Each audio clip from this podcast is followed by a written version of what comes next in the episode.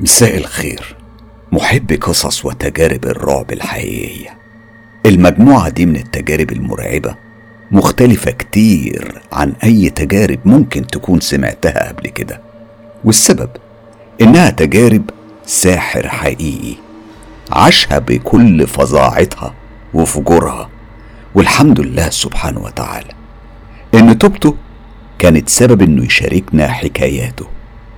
علشان نتعلم ناخد حذرنا ونبعد عن الدجالين وألعابهم والأهم نبعد تماما عن عالم الجن وكياناته مهما كانت المغريات والأسباب. اللي هتسمعوه حالا هو أكتر من ثلاث ساعات ونص من الاعترافات المرعبة للساحر الأردني التائب والمشهور باسم ميم.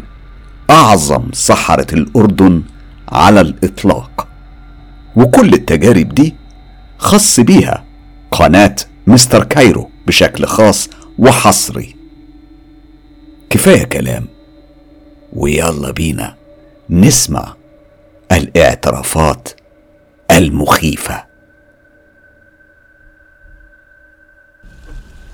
أستاذ حسام في البداية أنا حابب أقول لك إن اللي هحكيه مش مجرد تجربة مريت بيها. أكتر ما هي قصة تعتبر بتحكي عن توبتي لله سبحانه وتعالى. أنا للأسف واحد من الناس الطمع عمى قلبه قبل عينيه والتجربة اللي عشتها وصلت بيا للكفر والشرك بالله سبحانه وتعالى. أكيد بتسأل نفسك طب ليه بحكيها ليك ولكل متابعينك؟ أنا بحكيها علشان حاجة واحدة بس علشان كل اللي يسمع حكايتي عايزه يتعظ. وأي حد يحب إنه يمشي في نفس الطريق اللي أنا مشيت فيه اللي هو طريق الشيطان يرجع قبل فوات الأوان. ولازم يعرف إن باب التوبة مفتوح دايما. ربنا سبحانه وتعالى مستحيل يقفل بابه قصاد التوبة النصوحة. وإن مهما جمعت من فلوس أو بقى معاك قوة لا يستهان بيها أو وصلت لأكتر المراكز نفوذ وسلطة اوعى تنسى إن كل ده في زوال ومفيش حاجة بتبقى غير عملك وإن يوم الحساب قرب. أنا آسف لو كنت طولت عليك بس كان لازم أحكي كل اللي في قلبي. أنا مين من الأردن؟ وأول يعني حكايتي بدأت لما بدأت أشب على ظهر الدنيا. كان كل هوسي في الفترة دي البحث عن الدفائن والكنوز من تحت الأرض. الكلام ده من وأنا عمري عشرين سنة. وزي ما قلت لك كان هوسي وشغلي الشاغل طول الوقت. هو التفكير في الحاجات دي الدفائن والكنوز اللي موجودة تحت الأرض. وبسبب كده أنا اتعرفت على شيوخ كتير. أيامها وقتها استخدمنا أجهزة تنقيب. أنا فضلت على فكرة على الحال ده يعني حوالي خمس سنين متواصلة. لكن للأسف وبعد كل السنين دي مفيش أي حاجة ظهرت. بعدها أنا قررت إني أفتح محل بقالة واشتغلت فيه شوية.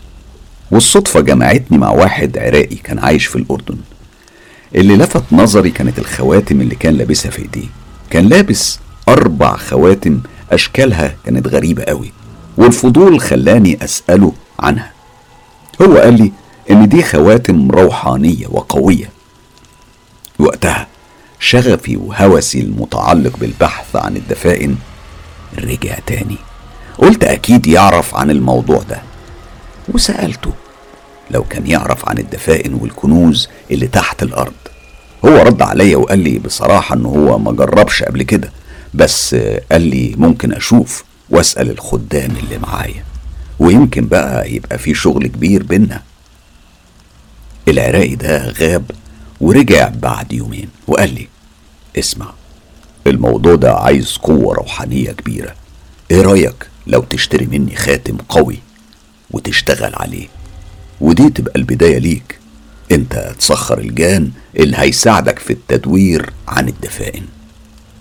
وهنا كانت بداية الشرك بالله وأول خطوات الكفر. هو فعلا اداني الخاتم وأخدته ووقتها عطاني ورد وفهمني أعمل إيه بالظبط. أنا دخلت خلوة وبديت أقرأ الطلاسم والتعاويذ ولاحظت إنها كانت عبارة عن آيات قرآنية مش كاملة كان ناقص منها كلمات معينة. كمان في كلمات استعانة بالجن وكلمات تانية مش مفهومة. أنا فضلت أعمل كده لمدة عشرين يوم. بعدها ظهر لي جن. جن كان ضخم وكان مليان شعر من كل حتة وله حوافر. وبالمناسبة ريحته كانت قذرة جدا. نادى عليا بصوت عالي وأجش لدرجة إن دب الخوف في قلبي واترعبت. وقال لي العهد انكتب عليك وبقى بيني وبينك. وقتها عطاني كاس شربت منه. وهو كمان شرب منه. الكاس ده كان فيه دم ورجع قال لي تاني العهد بيني وبينك وما يحميه غير الدم. ووافقت ووعدني إنه هيفضل جنبي ويحقق لي أي حاجة أطلبها. طبعا بعدها أنا روحت على بيتي الدنيا مش سيعاني من الفرحة وكل اللي كان في بالي وقتها إني بقى معايا مارد قوي. الدنيا كلها ما بقاش فيها أي حاجة تهمني. وبدأت أشتغل في الأعمال والسحر والجلب والصد ودورت على الدفائن ومفيش أي حاجة. وقفت قصادي. حتى الموت ما كانش بيوقفني أو حتى شاغل بالي. كل اللي كان شاغلني وقتها الفلوس. وفعلا أنا جمعت فلوس كتير لغاية ما عمت عينيا وقلبي كمان. وكنت كل يوم أكبر وأقوى أكتر من اليوم اللي قبله. لغاية ما بقى ليا اسم كبير في عالم الظلم عالم السحر والشعوذة. واشتغلت كمان في سحر اسمه الريح الأحمر وده من أقذر أنواع السحر. بيشتغل على صاحبه بعد ساعة والسحر ده كان بيتم يا بالدفن أو الرش. لكن في الأغلب أنا كنت بستخدمه في الدفن. كنت بشتغل على جثث الحيوانات وبعض الأطراف البشرية. في الوقت ده أنا كنت متفق مع حارس مقابر يدفن اللي أنا عاوزه وأنا كنت بحضر الخادم أو الملك اللي معايا في الحمام وكنت بقول الطلاسم والتعويذ الخاصة اللي كانت كلها شرك وكفر بالله سبحانه وتعالى. صيتي وصل كمان للدول العربية والناس بقت تجيلي من كل مكان ولأن ولا مرة شغلي خيب مع حد ولأني اتحولت أنا شخصيا لشيطان مفيش أي حاجة توقفه. يمكن وصلت أكون شيطان أكتر من أي شيطان من اللي أنا كنت بحضرهم. وأمرها باللي أنا عاوزه. أنا طبعا أذيت ناس كتير. حتى السحرة الصغيرين اللي كانوا عايزين يكبروا كنت بنهي عليهم حتى من قبل ما يبتدوا. ما كانش في قلبي ذرة رحمة لأي حد. كنت بستخدم أي حد أو أي حاجة من مخدرات وستات وزنا. كانت أي واحدة تجيني علشان أعالجها كنت لازم أمارس معاها الرذيلة بحجة العلاج. أنا ياما خربت بيوت وكنت أتجوز وأطلق وأظلم وأخدع. الغريبة إني كنت بمرض وبتعب لكن ولا مرة فكرت إني أرجع لربنا سبحانه وتعالى. كنت بقول طول ما أنا معايا فلوس والجن عمري عمري ما هقع أبدا. لغاية في يوم جات لي مريضة فيها مس. المريضة دي كانت جميلة قوي. معرفش أقول إيه اللي جرالي وقتها. بس أنا حبيتها وقررت إني أتجوزها. أنا فعلا اتجوزتها وجهزت شقة تانية تكون سكن ليا ولمراتي. غير الشقة اللي كنت بشتغل فيها وكانت مخصصة لأعمال السحر والشعوذة. وبعد شهر من جوازي ابتدى فصل جديد من حياتي. ليه وإزاي؟ هقولك. جه في يوم وطلب مني كبير الخدام طلب. الطلب ده قلب حياتي رأسا على عقب. طلب مني إنه عايز يمارس الجنس مع مراتي. طبعا أنا رفضت وهددته بالحرق لو كرر الطلب ده. وما بعدش عن مراتي. واللي حصل إني قريت طلاسم وتعويذ لتحضير سيدهم الكبير الملك ميمون ابنوخ باستعانة وتعويذ تمجيده. وفعلا هو أعطاني الإذن والتصريح بحرقه. وفعلا أنا حرقت الخادم الكبير ده. لكن من هنا بدأت معركتي مع الجن السفلي. أنا تعرضت للضرب والأذى. فكرت كتير إني أعترف لمراتي إني بتعامل مع أقذر أنواع الجن شر. بس في كل مرة كان بيحصل نوع من الضعف جوايا وبتراجع فيها ببقى عايز أقول لها إني مستهدف وإنها لازم تاخد بالها من نفسها. لكني كنت بخاف تسيبني وتختفي من حياتي وأنا فعلا كنت بحبها قوي. ما كنتش أقدر أستغنى عنها. اللي حصل؟ إنهم كانوا دايما يأذوني. واتضريت منهم كتير بس اللي كان غريب وكنت بحمد ربنا سبحانه وتعالى عليه إن مراتي ما كانش بيحصل لها أي حاجة. وفي يوم كنت راجع على بيتي الساعة حوالي 12 بالليل واتفاجئت بمراتي بتصلي. أنا قعدت وفضلت أبص لها وأنا زي التايه مش حاسس بالدنيا اللي أنا فيها لغاية ما لقيتها خلصت صلاة. مش عارف ليه حسيت إني أول مرة أشوفها بتصلي. طبعا هي ما كانتش تعرف إني مش بصلي. أنا كنت بمثل قدامها إني بصلي وكنت بعمل حركات من إني يعني كأني بقرأ لي أي حاجة مع إني كنت دايما على نجاسة. كنت دايما بحس إني ببقى مرتاح وأنا معاها والخدام بيسيبوني. ما كانش حد فيهم بيقدر يدخل البيت لأن مراتي بتبقى محصنة لأنها كانت مؤمنة بحق. عمرها ما فوتت فرض ودايما كانت بتقول الأذكار وعمرها ما سبتها إلا والقرآن كان دايما شغال في البيت. واللحظة من اللحظات وبدون أي مقدمات معرفش إيه اللي حصل لي. أنا حسيت بالخزي والعار وقلت لنفسي إيه اللي بيجرالي ده وإيه اللي أنا بعمله. وبعدها جالي خدامي يهددوني إني أقتل مراتي أو أطلقها. أنا الموت عندي كان أهون من اللي هما بيطلبوه مني. أنا طبعا رفضت وأصريت على كده. وفجأة حسيت كأن حد ضربني على ظهري بقوة كبيرة قوي. أنا صحيت لقيت نفسي في المستشفى وعرفت بعدها إني بقالي هناك يومين. أنا استغربت لأني لقيت مراتي جنبي بتمسح على جبيني وبتقرأ قرآن. والسبب أنا ما كنتش فاهمه ولا عارف أقدره. حسيت براحة كبيرة وقتها وقررت إني لازم أعترف لمراتي بكل حاجة.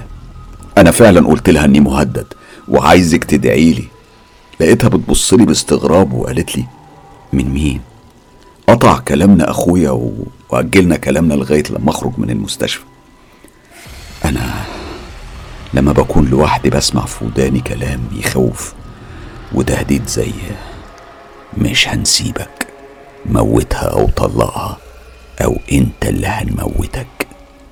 ولما بتبقى مراتي معايا مش بسمع حاجة. أنا بفضل انده عليها وأقول لها ما تسيبنيش لوحدي.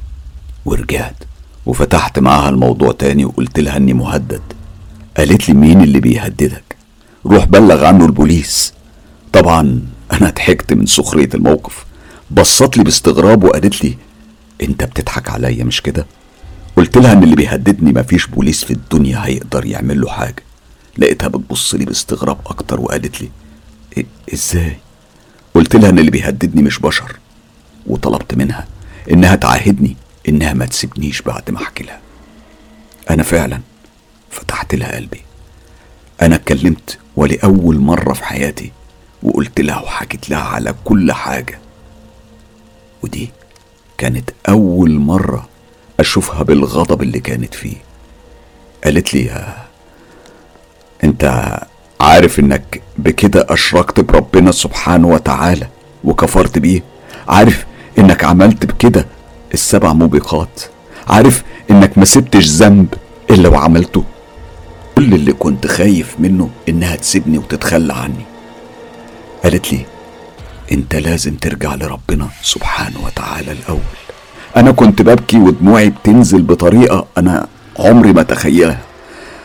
تقريبا أنا ما بكيتش كده من أكتر من خمسة وعشرين سنة. من وقت موت أبويا وأمي. وفضلت أستغفر ربنا كتير. وهي قالت لي أول حاجة لازم تنطق بالشهادتين وتصلي ركعتين توبة ورجوع لربنا سبحانه وتعالى. وفعلا أنا عملت اللي هي قالت لي عليه. وكنت حسيت في الوقت ده براحة غريبة عمري ما كنت أتخيل إني ممكن أحسها في يوم من الأيام. أنا حسيت إن جبل انزاح من على كتافي وفضلت أصلي وأستغفر ربنا سبحانه وتعالى. كنت عايز أتوب من أعماق أعماقي. أنا مش عايز أخوض في التفاصيل الأحداث اللي حصلت لي في الوقت ده بس أنا فعلا وأنا بتوب مريت بظروف ما اتمنهاش لأي بشر أيا كان. ما اتمناش الوجع والألم اللي أنا عشته يعيشه بشر. ما اتمناش حد يشوف جهنم اللي شفتها بعينيا على إيد الأبلسة دول الموضوع أخد وقت طويل جدا طويل فعلا لكني الحمد لله وبقدرة ربنا سبحانه وتعالى قدرت أغلبهم. وارجع لطريق النور. أنا اتبرعت بكل فلوسي للمراكز الإسلامية والمساجد والكفالة الأيتام وتبت لربنا توبة نصوحة خالصة.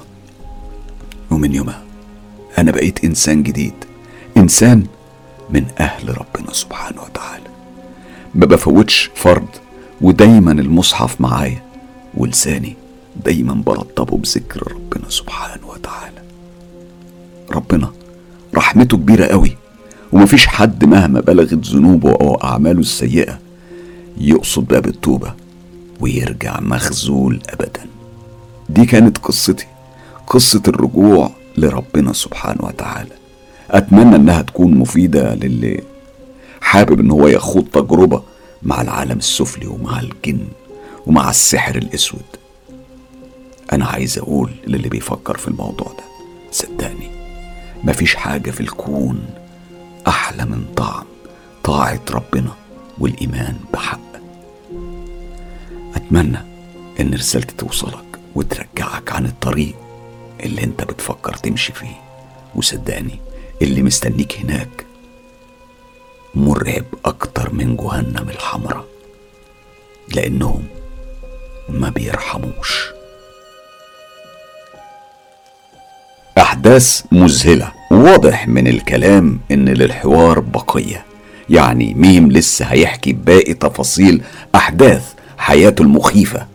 لو حابين إن هو يكمل ويكتب لنا بقى التفاصيل اللي خباها عننا في الجزء ده من قصته اكتبوا لنا في خانة الوصف. كمل يا ميم. وبكده ممكن نسمع باقي التفاصيل المريعة والمرعبة. ودلوقتي مع فاصل إعلاني. لو خويين أفلام عربية أو أجنبية وبتحبوا تشوفوا ملخصاتها بنكهة كوميدية مجرمة وما حصلتش قبل كده يبقى أكيد قناة Mini Film مع Mister Cairo هو المكان اللي لازم تقابلونا فيه. ملخص الفيلم والحكاية وما فيها في ربع ساعة بس مع Mister Cairo. رابط القناة موجود في أول تعليق. الأسبوع اللي فات اتكلمت عن ساحر اتورط في عمل سحر الريح الأحمر. مين بيكمل معانا الحكاية؟ طبعا أنا هلخص لكم اللي حصل في الحلقة اللي فاتت. هو باختصار شديد اتورط في عمل سحر الريح الأحمر أقذر أنواع السحر ولم يدرك العواقب. طبعا كانت النتيجة أنه دفع كتير وكانت فعلا تضحيات لا تقدر بمال. النهاردة الساحر ده هيحكي تفاصيل كل الطقوس والتعاويذ اللي استخدمها وهيحكي كمان تجاربه مع العالم السفلي واحتكاكه بقبائل الجن وإزاي كان بيسخرها. ساحر رصد الكنوز بيقول عزيزي الأستاذ حسام طبعا في الأول أنا حابب أشكرك على اهتمامك بحكايتي وبشكرك على طريقتك في السرد وحابب كمان أشكرك إنك اخترت إنك ما تقولش اسمي بالرغم من إني سمحت لك إنك تقول اسمي. يعني ده بالنسبة لي كان شيء عادي. لكن حرصك الشديد على اسمي وشكلي حقيقي ده مش عارف أشكرك عليه إزاي. لك مني كل التقدير والاحترام. خليني أبتدي كلامي معاك المرة دي بجملة يعني علقة في ذهني. أنا بعد ما فقت من اللي أنا فيه بجملة يا ريتني كنت أعرف. أنا فعلا شفت الجحيم بعينيا واسمح لي أتكلم معاك عن جزء من اللي عشته. تعاملي مع الملك ميمون الأسود أبا نوخ. تعامل كان خطير ما يستهنش بيه من بداية ما أخدت الطلاسم والتعويذ الخاصة بيه واللي فيها طبعا من الشرك ما لا يتخيله عقل بشري. ومن تقديم قرابين والسجود ليه ده غير إنه كان له طلبات كانت صدمة ليا أنا شخصيا. زي مثلا طلب مني إن أنا أقتل حد من المقربين وكمان طلب مني زنا محارم أيوه زي ما سمعت أنت سمعت صح. وأنا لو كنت رفضت أو ما عملتش اللي هو عايزه بتعرض للأذى. أنا لما حضرت أول مرة كان العهد هو الدم واللي ما بيمحيهوش غير الدم يعني الموت. لما حضر الملك ميمون الأسود كان بيحصل صوت زمجرة قوية كانت بتوقف الدم في العروق. كمان كان دايما بيبقى فيه ريحة في منتهى القذارة. وعيون جمر من النار. المهم أنا عشت حياة كلها رعب وخوف وقلق. الخدمة بتاعتهم كانت ليها مقابل. أنا كنت لما بتأخر في تحضيره كنت بحس بيه موجود حواليا وكنت بحس بصداع قوي جدا. كمان كنت بحس إني مش هقدر أكمل لبكرة. بص صدقني مهما قلت أو وصفت مش هتقدر تتخيل الخوف والرعب اللي أنا كنت عايش فيهم. عمرك ما كنت تقدر ترتاح لأن الغدر كان فيهم حتى لو نفذت طلباتهم. زي اللي حصل معايا لما طلب مني الخادم معاشرة مراتي وحرقته. اتقربت بتعاويذ وكتبت الطلاسم وقدمت القرابين واستغاثت بيه والبخور يعني كل دي مغريات ليهم. هو وافق على حرقه لكن في المقابل سلط خدامه من الجن السفلي عليا. تخيل بعد كل اللي قدمته للملك الأسود. خدعني. خلاني أواجه الموت في كل لحظة. وهم الخدام نفسهم ما صدقوا إن هو أطلقهم عليا. وبدأوا يتفننوا في تعذيبي. أوعى حد يصدق إنهم ممكن يصدقوا في كلامهم. الكذب عندهم بيجري مجرى الدم عند البني آدم. أنا شفت الأهوال علشان أقدر أتخلص منهم. أنا كنت بشوف الموت كل يوم وكل ساعة وبسمع همس في وداني. يفضل يقول لي مش هنسيبك هتموت. ما كانش بيصرفهم عني غير القرآن الكريم. وكنت بشوف الخدام قدامي على شكل قطط وكلاب. طب بص هقول لك على حاجة يمكن تصدمك. أنا كنت بحكم على 120 من خدام الجن منهم ملك وطبيب ولصوص وخوارق وطيارين وأرضيين. كانت معايا مجموعة لا يستهان بيها وعلشان كده عمري ما عملت حاجة وخابت مني وبالذات الأذى والمرض. أنا كنت بسلط هواتف مؤذية وزي ما قلت لك قبل كده. كان ليا بصمة في كل أنواع السحر وأعرفك على سحر الكواكب المعقد والسحر ده لو اتقرأ المسحور بيبقى خلاص السنة الجديدة ما تطلعش عليه. سحر مؤذي وخطير ده غير سحر الريح الأحمر وسحر الكبالة الأفريقي اللي حكيت لك عنهم قبل كده.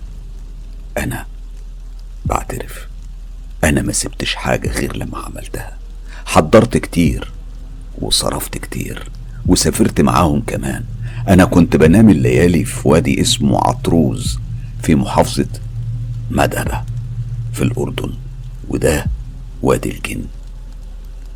وادي عطروز التراب اللي فيه بيعقد عليه السحر وبيكون سريع. معظم أعمالي كنت بدفنها هناك وكنت لما أروح هناك كانت قبائل وأشكال غريبة من الجن بتقابلني. منهم اللي برجل واحدة واللي بتلاتة واللي بعين واحدة واللي بتلات عيون. مجموعات وقبائل متنوعة من الجن. أنا كان بيتملكني الخوف ورعشة في الجسم لما كنت بشوفهم قاعدين حواليا. لكني كنت زي السيد ما بينهم وكلمتي تمشي على أي حد فيهم. أنا كنت بمشي من غير ما أحس ألاقي نفسي في مكان تاني. كنت أحيانا بشوف أجمل ملكات الجن واقفين زي الصف قصاد عيني وكنت بعاشر معظمهم. كنت أسأل عن أي حاجة ألاقي لها إجابة. استمر الحال على كده وعلمي بعالمهم بيزيد يوم بعد يوم. وكنت بخضع وبسجد للملوك الكبار وبقدم لهم الطاعة وبنال رضاهم العفاريت والمرضى والجن و... والأحمر والأسود والأبيض كل ده شفته واتعاملت معاه. كانت ليا السلطة والقوة وكل حاجة كانت بمقابل. حتى إني عملت استحضار بين عفريت ومارد ودي على فكرة من أندر الحالات اللي ممكن تحصل. جمعتهم بكلمة واحدة لأن الاسم الكبير كان معايا. مش عايز أقوله علشان خايف أي حد يحب يجرب لأن لو حد نطق بيه هتبقى مشكلة كبيرة قوي. التحضير كان بيبقى عبارة عن تلاوات وتعاويذ خاصة لأسماء حكماء الجن والخلوة كانت بتحصل في منطقة مقطوعة اسمها بطن الغول في محافظة معان. مغارة كبيرة واسعة تبعد عن الطريق الرئيسي أكتر من عشرين كيلومتر. صدقني أستاذ حسام أنا كنت بمشيها دايما لأي شغل أو تحضير والتحضير كان بيكون بشروط إني أدخل الخلوة وأنا عاري تماما وأغتسل باللبن من غير حمام وآكل كل يوم تلات حبات من التمر. الخلوة دي كانت بتستمر لغاية واحد وأربعين يوم. يا ترى بقى مستعد أنت ومتابعيك للتفاصيل اللي هحكيها؟ طبعا أنا مش محتاج أنبه إن معظم تفاصيل قصتي لا تصلح لصغار السن ولا للناس اللي بتتأثر بالمواضيع الحساسة وإن كل حرف بحكيه ضروري تكونوا فاهمين. أقصد منه إنه يكون عبرة ودرس علشان اللي بيفكر إنه يمشي في طريق الشيطان زي ما أنا عملت في يوم من الأيام. حابب أبتدي معاك بالسبب اللي خلاني أعمل كده من البداية. يمكن يكون الفقر والحرمان هما اللي خلوني أفكر في السكة دي. كان كل هم إني أكون غني ويكون عندي بيوت وأراضي ويكون ليا نفوذ وسلطة والناس تخاف مني وتعمل لي ألف حساب. في البداية أنا حاولت في الدفائن لغاية ما خاب ظني. بعدها اتعرفت على العراقي اللي حط رجلي على عتبة الشرك وأخدت أول خطوة في الكفر بالله. سبحانه وتعالى. واللي بعدها بقيت صاحب القوة والنفوذ صاحب الملايين. وكنت بصرف من غير حساب. الفلوس كانت بتجري زي المية في ايديا. ووصلت لقمة المجد والقوة. زي ما قلت لك أنا كنت أملك 120 خادم وكلهم كان عليهم الطاعة والولاء. وطبعا كل حاجة كان ليها مقابل. والمقابل اللي كان بيرضيهم بس هو معصية ربنا والشرك بيه. وكانت أبسط حاجة ممكن أعملها هو إني أفطر في رمضان مرورا بزنا الذكور وأكبرها. سب الله. استغفر الله. سب الله والملائكة والأنبياء. استغفر الله. استغفر الله. الظلم كان منهجي في الحياة. كنت بخرج للأودية بالأسبوع علشان أقدم ولائي وطاعتي للملوك السفلية. وكنت باخد معايا أي حيوان أسود جدي أو خروف أذبحه طبعا من غير تسمية وبعدين أرميها. وكنت برجع بعدها ألاقيهم مبسوطين. المثير للسخرية إن الجن كانوا بيجروا ورايا علشان أقبل خدمتهم. وأنا كنت بقيم قدراتهم من علاج وغوص وبحث عن الدفائن. وطبعا كل ده كان له مقابل.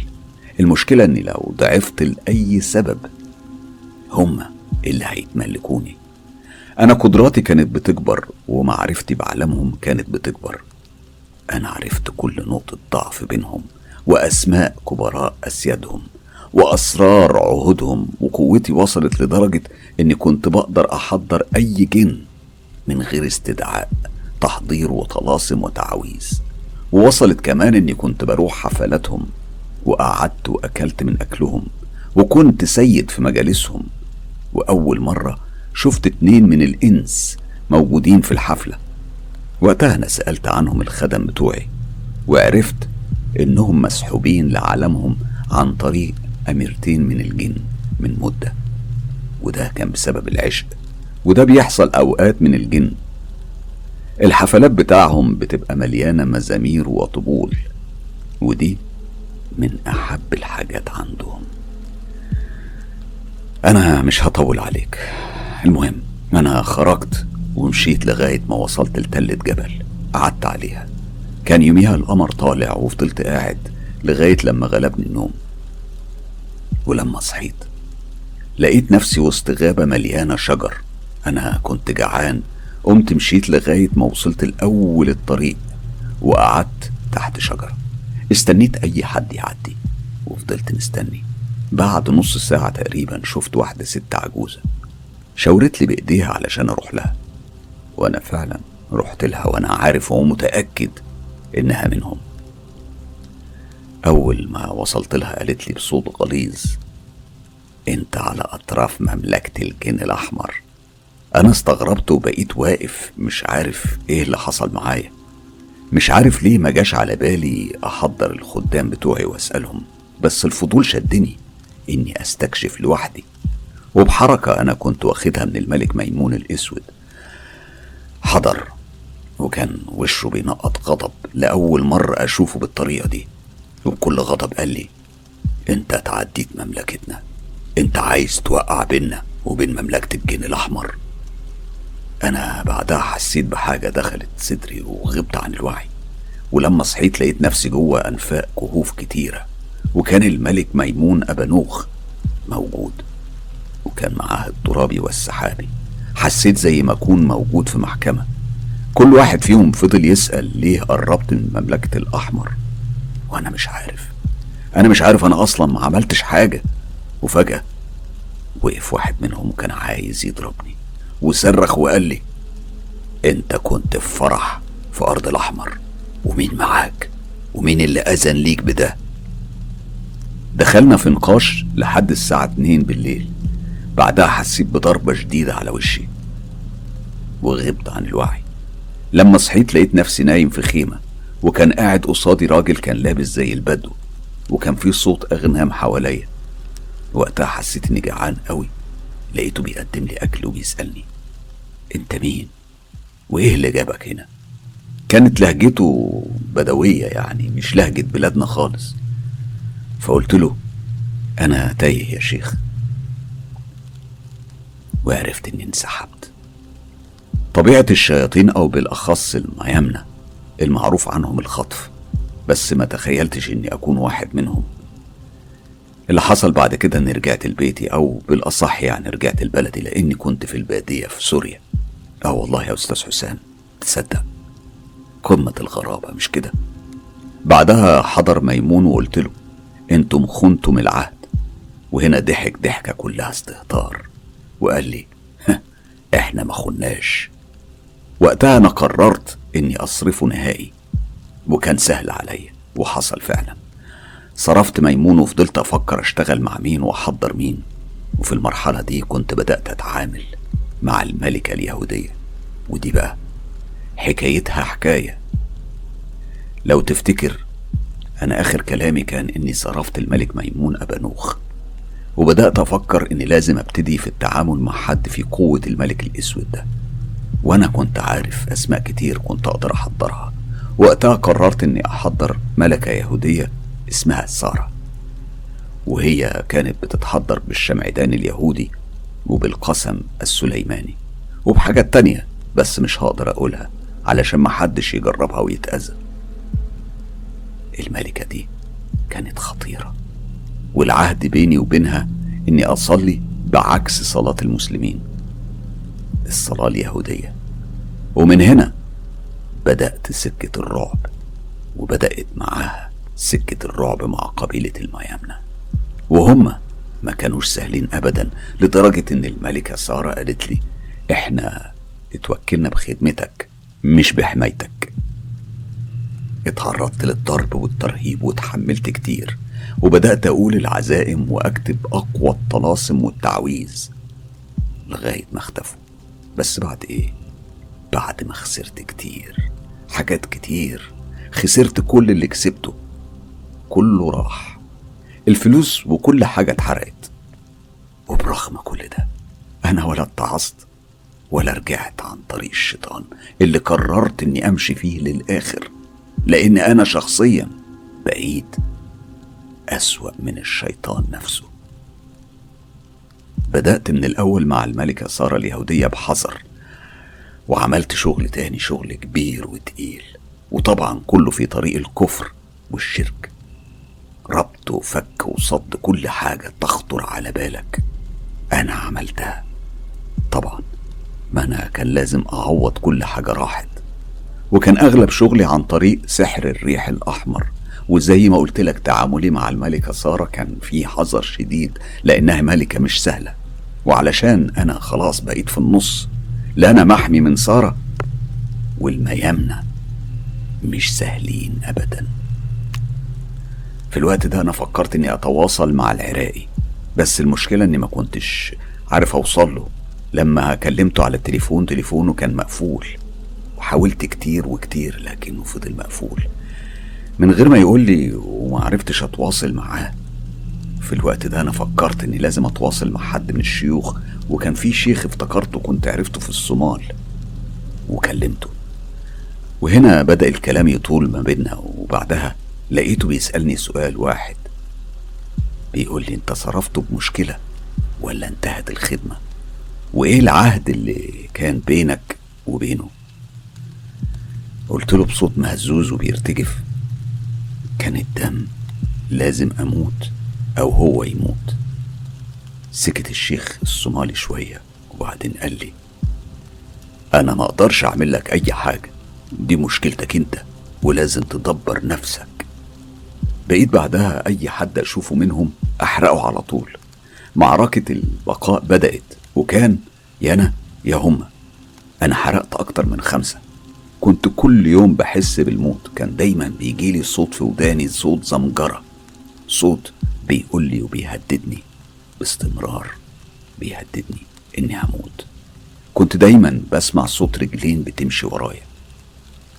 بعدها اضطريت ان أنا أصرف الملكة سارة لأنها ما كانش ليها أي لازمة في موضوع الحماية. وكان لازم أحصن البيت علشان محدش يقدر يدخله منهم. وبقيت أشغل قرآن باستمرار. وأجيب شيوخ من الجامع يقروا لي فيه لحد ما البيت سحره اتفك. فضلت ست شهور من غير شغل. مش علشان أنا تبت أو علشان أنا عرفت إن الطريق ده طريق الندم لا. علشان أشتغل مرة تانية. وابتدي من الأول وجديد. وزي ما تقول كده يعني أبتدي على نظافة. وبدأت أفكر طب أحضر مين؟ أنا شفت جبروت أكتر من كده. وحضرت وقتها اتنين سفليين من قبيلة الملكة عين. وكنت بفطر في رمضان وأكون دايما على نجاسة. أنا بقيت كده لدرجة إني بقيت شايف إن ده هو الطبيعي. وغير كده يبقى مش طبيعي. اشتغلت وكبرت وكبرت شغلي وبقيت أشرس وأعنف من الأول. كان لازم يبقى لي سلطة وعلشان كده بدأت أشتغل مع ناس مهمين في البلد. يعني بحمي نفسي علشان شغلي يبقى تمام وما يكونش عليا العين. وطبعا لأن المكر والغدر مليهم بقيت أغير كل فترة من خادم لخادم. وفضلت على الحال ده لغاية ما تبت. على إيد مراتي. دي بقى قصة لوحدها أبقى أحكيها لك. قصة يعني صعبة وهحكي فيها إزاي عالجتها ودي أكيد لما أحكيها لك هتبقى قصتي الأخيرة. باقي قصتي بقى قصة الطريق اللي مشيت فيه طريق الضلمة طريق المسدود طريق الكفر والشرك. بص علشان أصفي ضميري من كل الخطايا اللي أنا عشتها أنا هحكي لك عن قصة الشاب اللي أنا دمرت له حياته. فعلا المال بيعمل بصيرة وبيخلي العقل يتوه أكتر من الخمور وبيخلي صاحبه كمان مش مرتاح خصوصا لما الفلوس بتيجي عن طريق الشرك بالله. وبالتالي عمر صاحب المال ما بيقدر يثق في أي حد حتى لو كان أقرب الناس ليه لأن الفلوس بتدمر وبتفرق بين الناس وهو ده اللي حصل معايا. لأني أنا بمنتهى البساطة دمرت حياة شاب بسيط. ما كانش يملك في دنيته غير بيت قديم ومرتب متواضع. أما بقى تفاصيل القصة دي واللي حصل فيها إن أنا وأنا في رحلتي لتونس اتعرفت على شاب في بداية التلاتينات من عمره. كان شاب طويل وصاحب جسم رياضي وكان شكله وسيم. هو كان شغال في صيانة القوارب ويدوب مرتبه مكفيه هو وأمه وأخوه الصغير بالعافية لأن والده كان متوفي وهو اللي كان بيصرف عليهم. كانت أمنية حياته إنه يتجوز لكن متطلبات الجواز عالية عليه ومتطلبات الحياة كانت غالية. الأحداث دي حصلت سنة 2010 والشاب ده من تعقيدات الحياة وقسوتها عليه خلته يشيل فكرة الجواز من فكره خالص. وكانت أمه بتخاف عليه وبتحاول إنها طيب بخاطره وتخفف عنه وتقول له ربنا كبير. توكل على الله. الشاب ده نفترض إن اسمه عزيز وكان من أوائل المصلين واستمرت حياته إنه يقبض ويسلم اللي بيقبضه لوالدته علشان تصرف منه على البيت لأنهم كانوا مأجرين البيت اللي كانوا قاعدين فيه يعني ما كانش البيت بتاعهم. وزادت ظروف الحياة قسوة عليه. وبدأ الشاب ده يبص للشباب اللي في سنه عملوا كل حاجة منهم اللي اتجوز واللي بيسهر واللي بيعمل كل اللي نفسه فيه وبيرمي الفلوس من غير حساب. طبعا الأمور اتعقدت تماما. أنا بعد أسبوع من إقامتي في تونس في مدينة قرطاج وبالصدفة وأنا قاعد على كافيه وكنت بشرب القهوة بتاعتي سمعت صريخ وضرب وسب وشتيمة قصاد الكافيه. فقمت أشوف إيه اللي بيحصل. لقيت الشاب عزيز ومتلمين حواليه حوالي أربع شباب بيضربوه. قمت خلصته من الشباب من غير حتى ما أسأله في إيه. بعد كده عرفت إنهم كانوا عايزين منه فلوس. أنا من غير تردد أعطيتهم الفلوس اللي كانوا عايزينها وسبتهم ورجعت للترابيزة بتاعتي. وهو جه ورايا وقعد معايا وبدأت معاه الكلام. وقلت له مالك؟ ليه حالك كده؟ رد عليا وحكالي كل حاجة عنه. عينيه كانت مليانة دموع. وفضل يشتكي همه لحد ما وصل إنه يعاتب ربنا. وبدأ يسأل ليه حظه كده في الدنيا. وليه الحياة صعبة بالشكل ده معاه. ومرتبه القليل وأمه وأخوه اللي في رقبته. وإنه خلاص ما بقاش قادر على مصروف البيت. وإنه كان نفسه يتجوز ويعمل أسرة خاصة بيه. هو فضل يحكي عن كل حاجة تعباه. أنا وقتها طبطبت عليه وحبيت أساعده. كانت يمكن أول مرة أعمل حاجة كويسة في حياتي كلها وأساعد حد. في الوقت ده أنا عرضت عليه إنه يشتغل معايا ووقتها سألني برضو عن طبيعة شغلي. أنا حكيت له وإحنا بنشرب الشاي إني معالج روحاني وخبير في البحث عن الكنوز وإني بفك السحر وبجلب الحبيب وكل الحاجات المعروفة دي. وقلت له أنت هتشتغل معايا وهديك أربع أضعاف المرتب اللي بتاخده. طبعا هو فرح وانبسط كتير بس قلت له بشرط إنه لازم يسافر معايا الأردن وإن أكله وشربه وكل حاجة هو محتاجها أنا متكفل بيها. هو طلب مني مهلة إنه يبلغ أهله. أنا وقتها اديته مرتب شهر وأزيد مقدم علشان يكفيهم شهرين أو ثلاثة وأقنع أمه بسفره وإن هو هيوفر لهم حياة كريمة بالسفر ده. وفعلا الشاب ده سافر معايا وفضل يبعت فلوس لأمه وكمان حوش منها. أنا اديته كمان فلوس علشان يوسع البيت ويفرشه فرش جديد. وفضل يشكرني ويبوس راسي. وعدى على الحال ده أول سنة. علمته الطلاسم والتعويذ وتحضير الجن. بس من غير إذن لحد ما عوز أنا طلبت منه كمان إنه يزور أهله ويرجع بعد شهر. وفعلا سافر ولقى أمه وأخوه وسعوا البيت وفرشينه بفرش جديد. وبعد شهر رجع شغله وكان عايز ينفصل عني ويشتغل لوحده. في الأول طبعا أنا زعلت جدا إزاي يسيبني بعد ما ساعدته؟ وسألته أنت عارف إيه اللي أنت بتعمله؟ وقتها هو رد عليا وقال لي أنا عايز أبقى زيك. المهم إني نويت إني أقرص له ودنه. علمته طلاسم وتعويذة لأميرة من أميرات الجن من النوع الشرس. وبعدين ناديته في يوم وفتحت معاه الموضوع وقلت له أنت هتطلع خلوة واحد وأربعين يوم وهتتجرد من هدومك ويكون أكلك كله عبارة عن تمر وبس. تاكل واحدة في كل وجبة وتشرب مية زي ما أنت عايز. وعايز أنبهك يا عزيز إنك ما تخافش ابدا لأنك لو خفت هتموت. بعد مدة الخلوة رجع عندي تاني وقال لي يا شيخنا حصل معايا وشفت تعبان وبعدها شفت نار عايزة تاكلني. بعد كده شفت ست وحشة قبيحة جدا مليانة شعر وريحتها كانت قذرة وعينيها مرعبة وكان العهد ما بينا الجواز الأبدي. طبعا العهد ده خطير جدا لأن صاحب العهد لو حب إن هو يسيبها بتقتله أو بتعمل له عاهة مستديمة. سافر عزيز لتونس وبعدها الصفينة اللي بيني وبينه. وبدأت معركته مع الأميرة برقة. على فكرة الأميرة برقة من الجن الطيار الأحمر واللصوص فيهم كتير ويعملوا كل ما تتخيل من أعمال شيطانية. بيسكنوا دايما في أعالي الجبال. حال عزيز كان اتغير بدأ يشتم ويسب ربنا سبحانه وتعالى ويضرب أمه وأخوه وتقريبا كان خلاص حصل له نوع من الجنون. كانت أمه بتتواصل معايا الفترة وبعدها اعتذرت وما بقيتش أرد عليها. أنا دمرت حياته وحياة أهله. كانت الأميرة برقة من أتباع الجن اللي أنا بفرض سيطرتي عليهم. كنت ببعت لها هاتف تضربه وتطين عيشته. لغاية ما اتصل بيا من رقم غريب. كانت أمه بتترجاني علشان أساعده بأي تمن وكانت بتعيط على ابنها اللي شكله بقى شبه المجانين.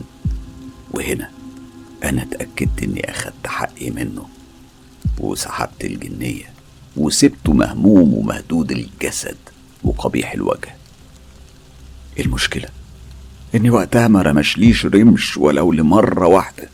أنا ما كانش في أي حاجة بتهمني. صدقني يا أستاذ حسام ما كانش بتتهزلي شعرة من ظلم وتدمير أسرة سعيدة وكان اللي بيجيلي من الناس للربط أو الرجم أو التفريق كان الشغل سريع جدا حتى الشياطين كانت بتسارع بعضها عشان تخدمني خصوصا التفريق. تصدق ان سحر التفريق عند الشياطين زي الوجبة الدسمة أو طبق الحلويات عندهم. أنا عارف كل حاجة عنهم ولولا إني عارف الاسم العظيم في عالمهم كان زمانهم قتلوني لأنهم بيترعبوا من الاسم ده جدا. الاسم الشيطاني. طبعا أنا ما أقدرش أقول عليه علشان ما يحصلش أي مشاكل لأي حد. بص من الآخر وبمنتهى الصراحة. أنا في الفضفضة دي وفي يعني كنوع من غسيل النفس والتوبة.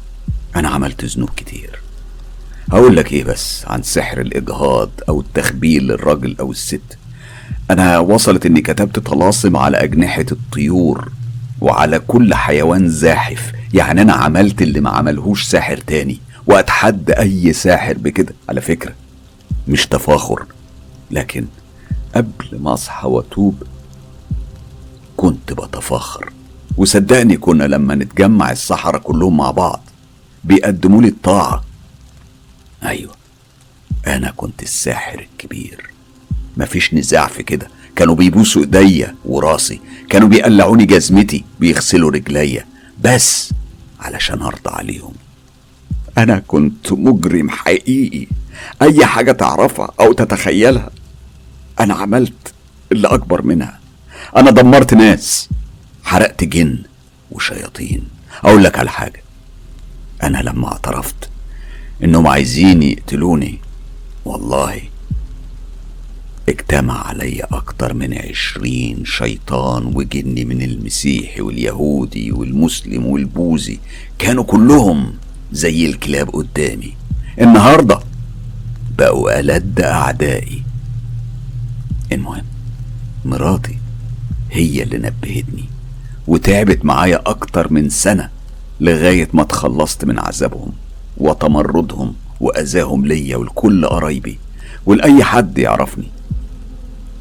أنا تبت لله سبحانه وتعالى ونويت الخير عن آخر نفس ليا في الدنيا ومش عارف إذا كانت توبتي هتتقبل ولا لأ. أنا عايز أطلب من الشاب التونسي عزيز وإن شاء الله يا رب يسمع قصتي وأطلب من الناس كلها اللي عملت لهم أذى. يسامحوني. لأني تبت بعد عمر طويل.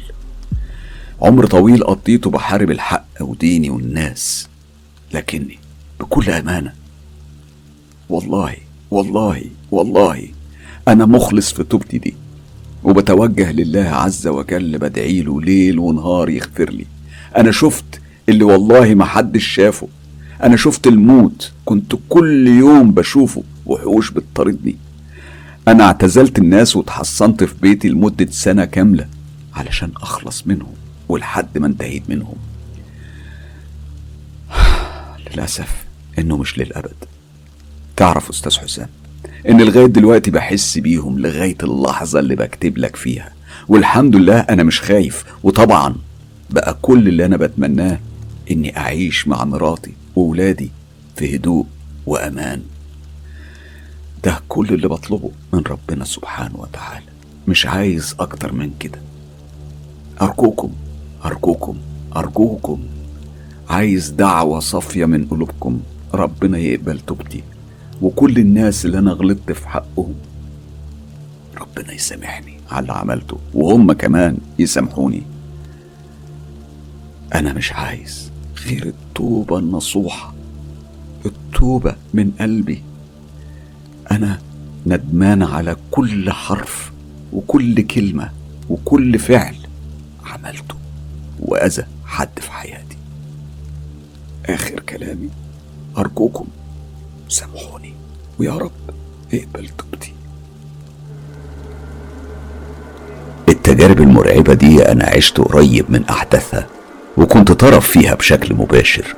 أنا هحكيها للعبرة لكل حد بيدور في مجال السحر الأسود وعوالم ذو الحرفين من الجن وغيرهم. أستاذ حسام أنا موجود هنا علشان أقدم النصيحة. المثل العربي بيقول اسأل مجرب ولا تسأل طبيب. أنا مش بدور على شهرة أو اهتمام الناس. أنا مش أكتر من مجرد ناصح.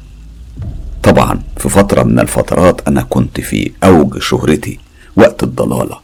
وكنت معروف على مستوى عالي وكان في شخصيات مهمة كتير بتفضل إنها تجيلي وتبقى ذليلة علشان أسمح لهم يقابلوني.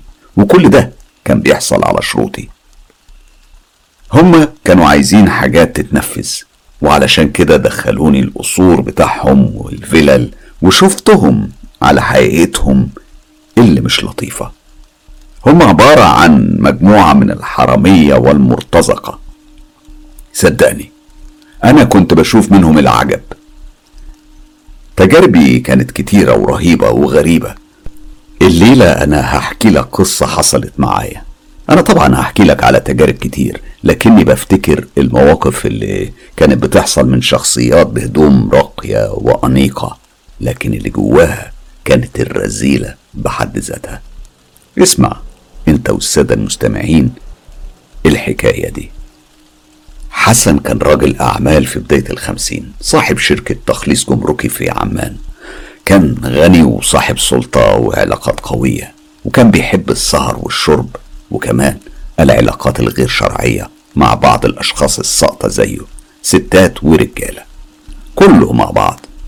كل راجل وحرمه كانوا بيجي يحضروا حفلات الرقص والخلع مقابل صفقات ورشاوي. وحسن ده كان بيسافر كتير. حتى وهو موجود ما كانش بيروح البيت بيته يعني إلا بعد نص الليل. اتكررت الأمور دي كتير ومراته كانت قلقانة منه مش عليه. هي كانت خايفة منه مش خايفة عليه.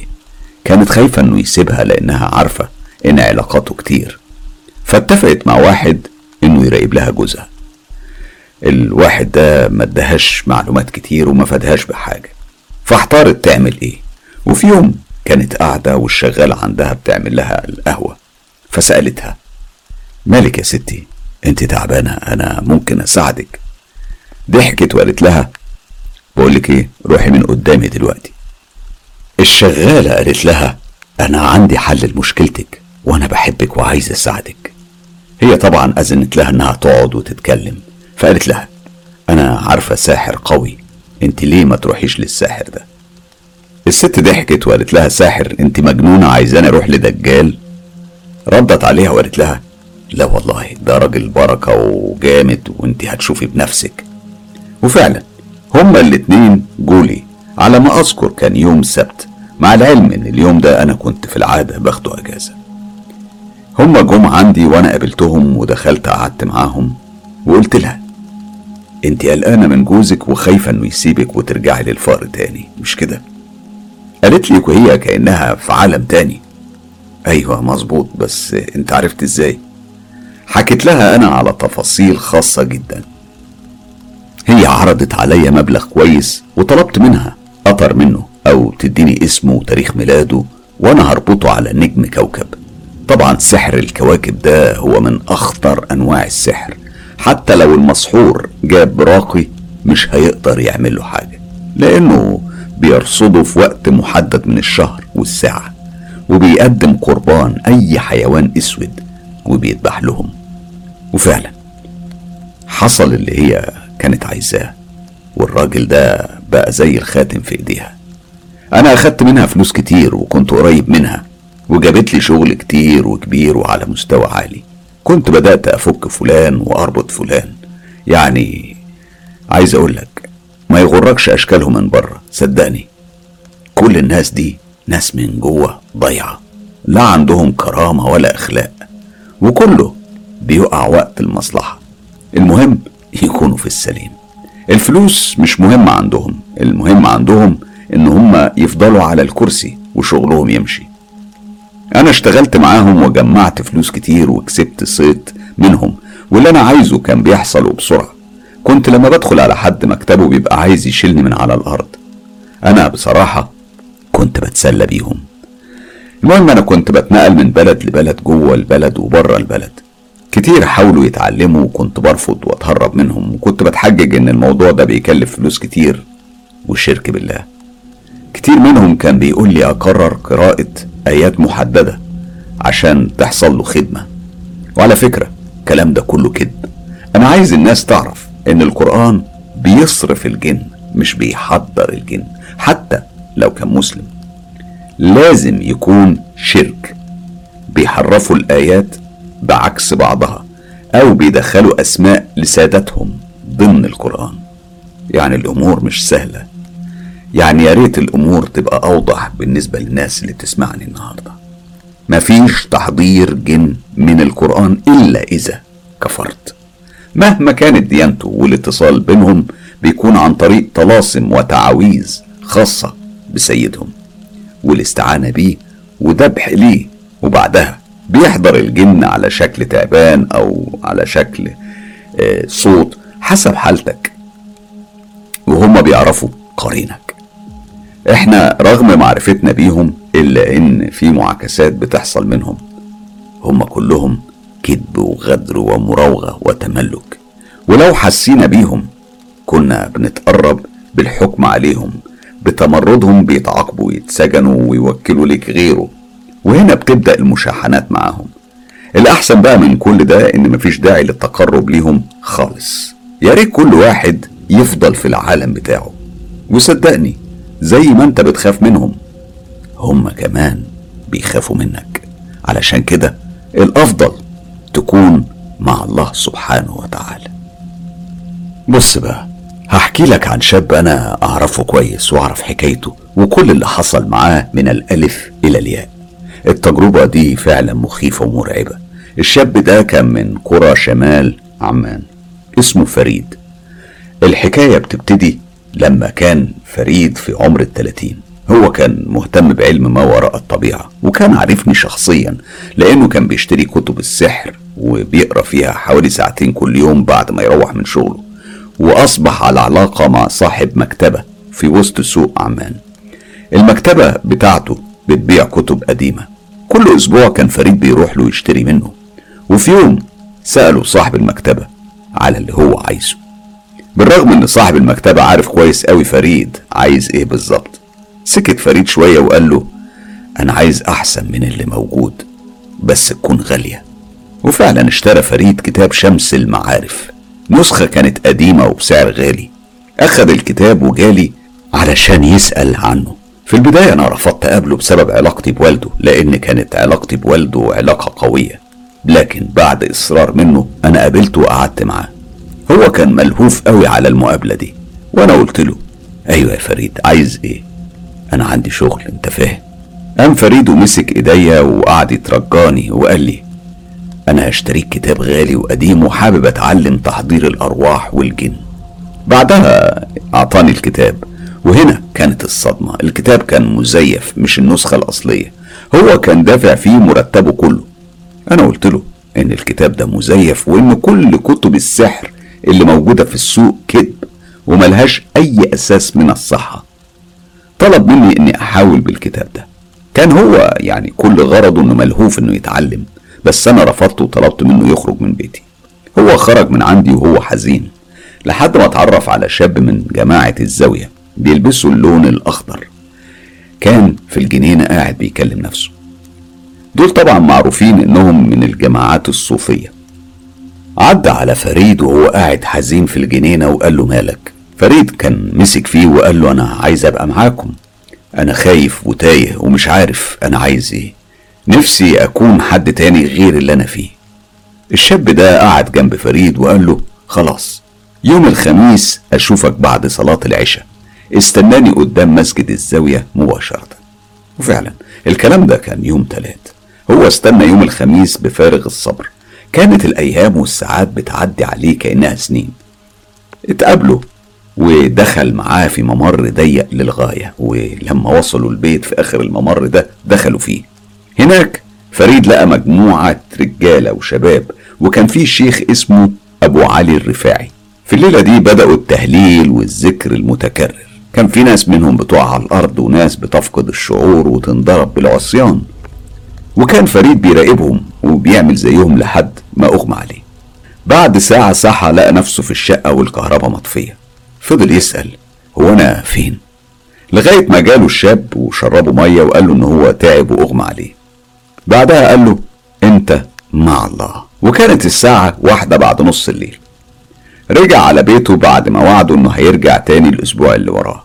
وفعلا رجله أخدته على المكان وبقى كل أسبوع يروح نفس المكان ويمارس نفس الطقوس لغاية ما بقى بيقعد مع الشيخ أبو علي.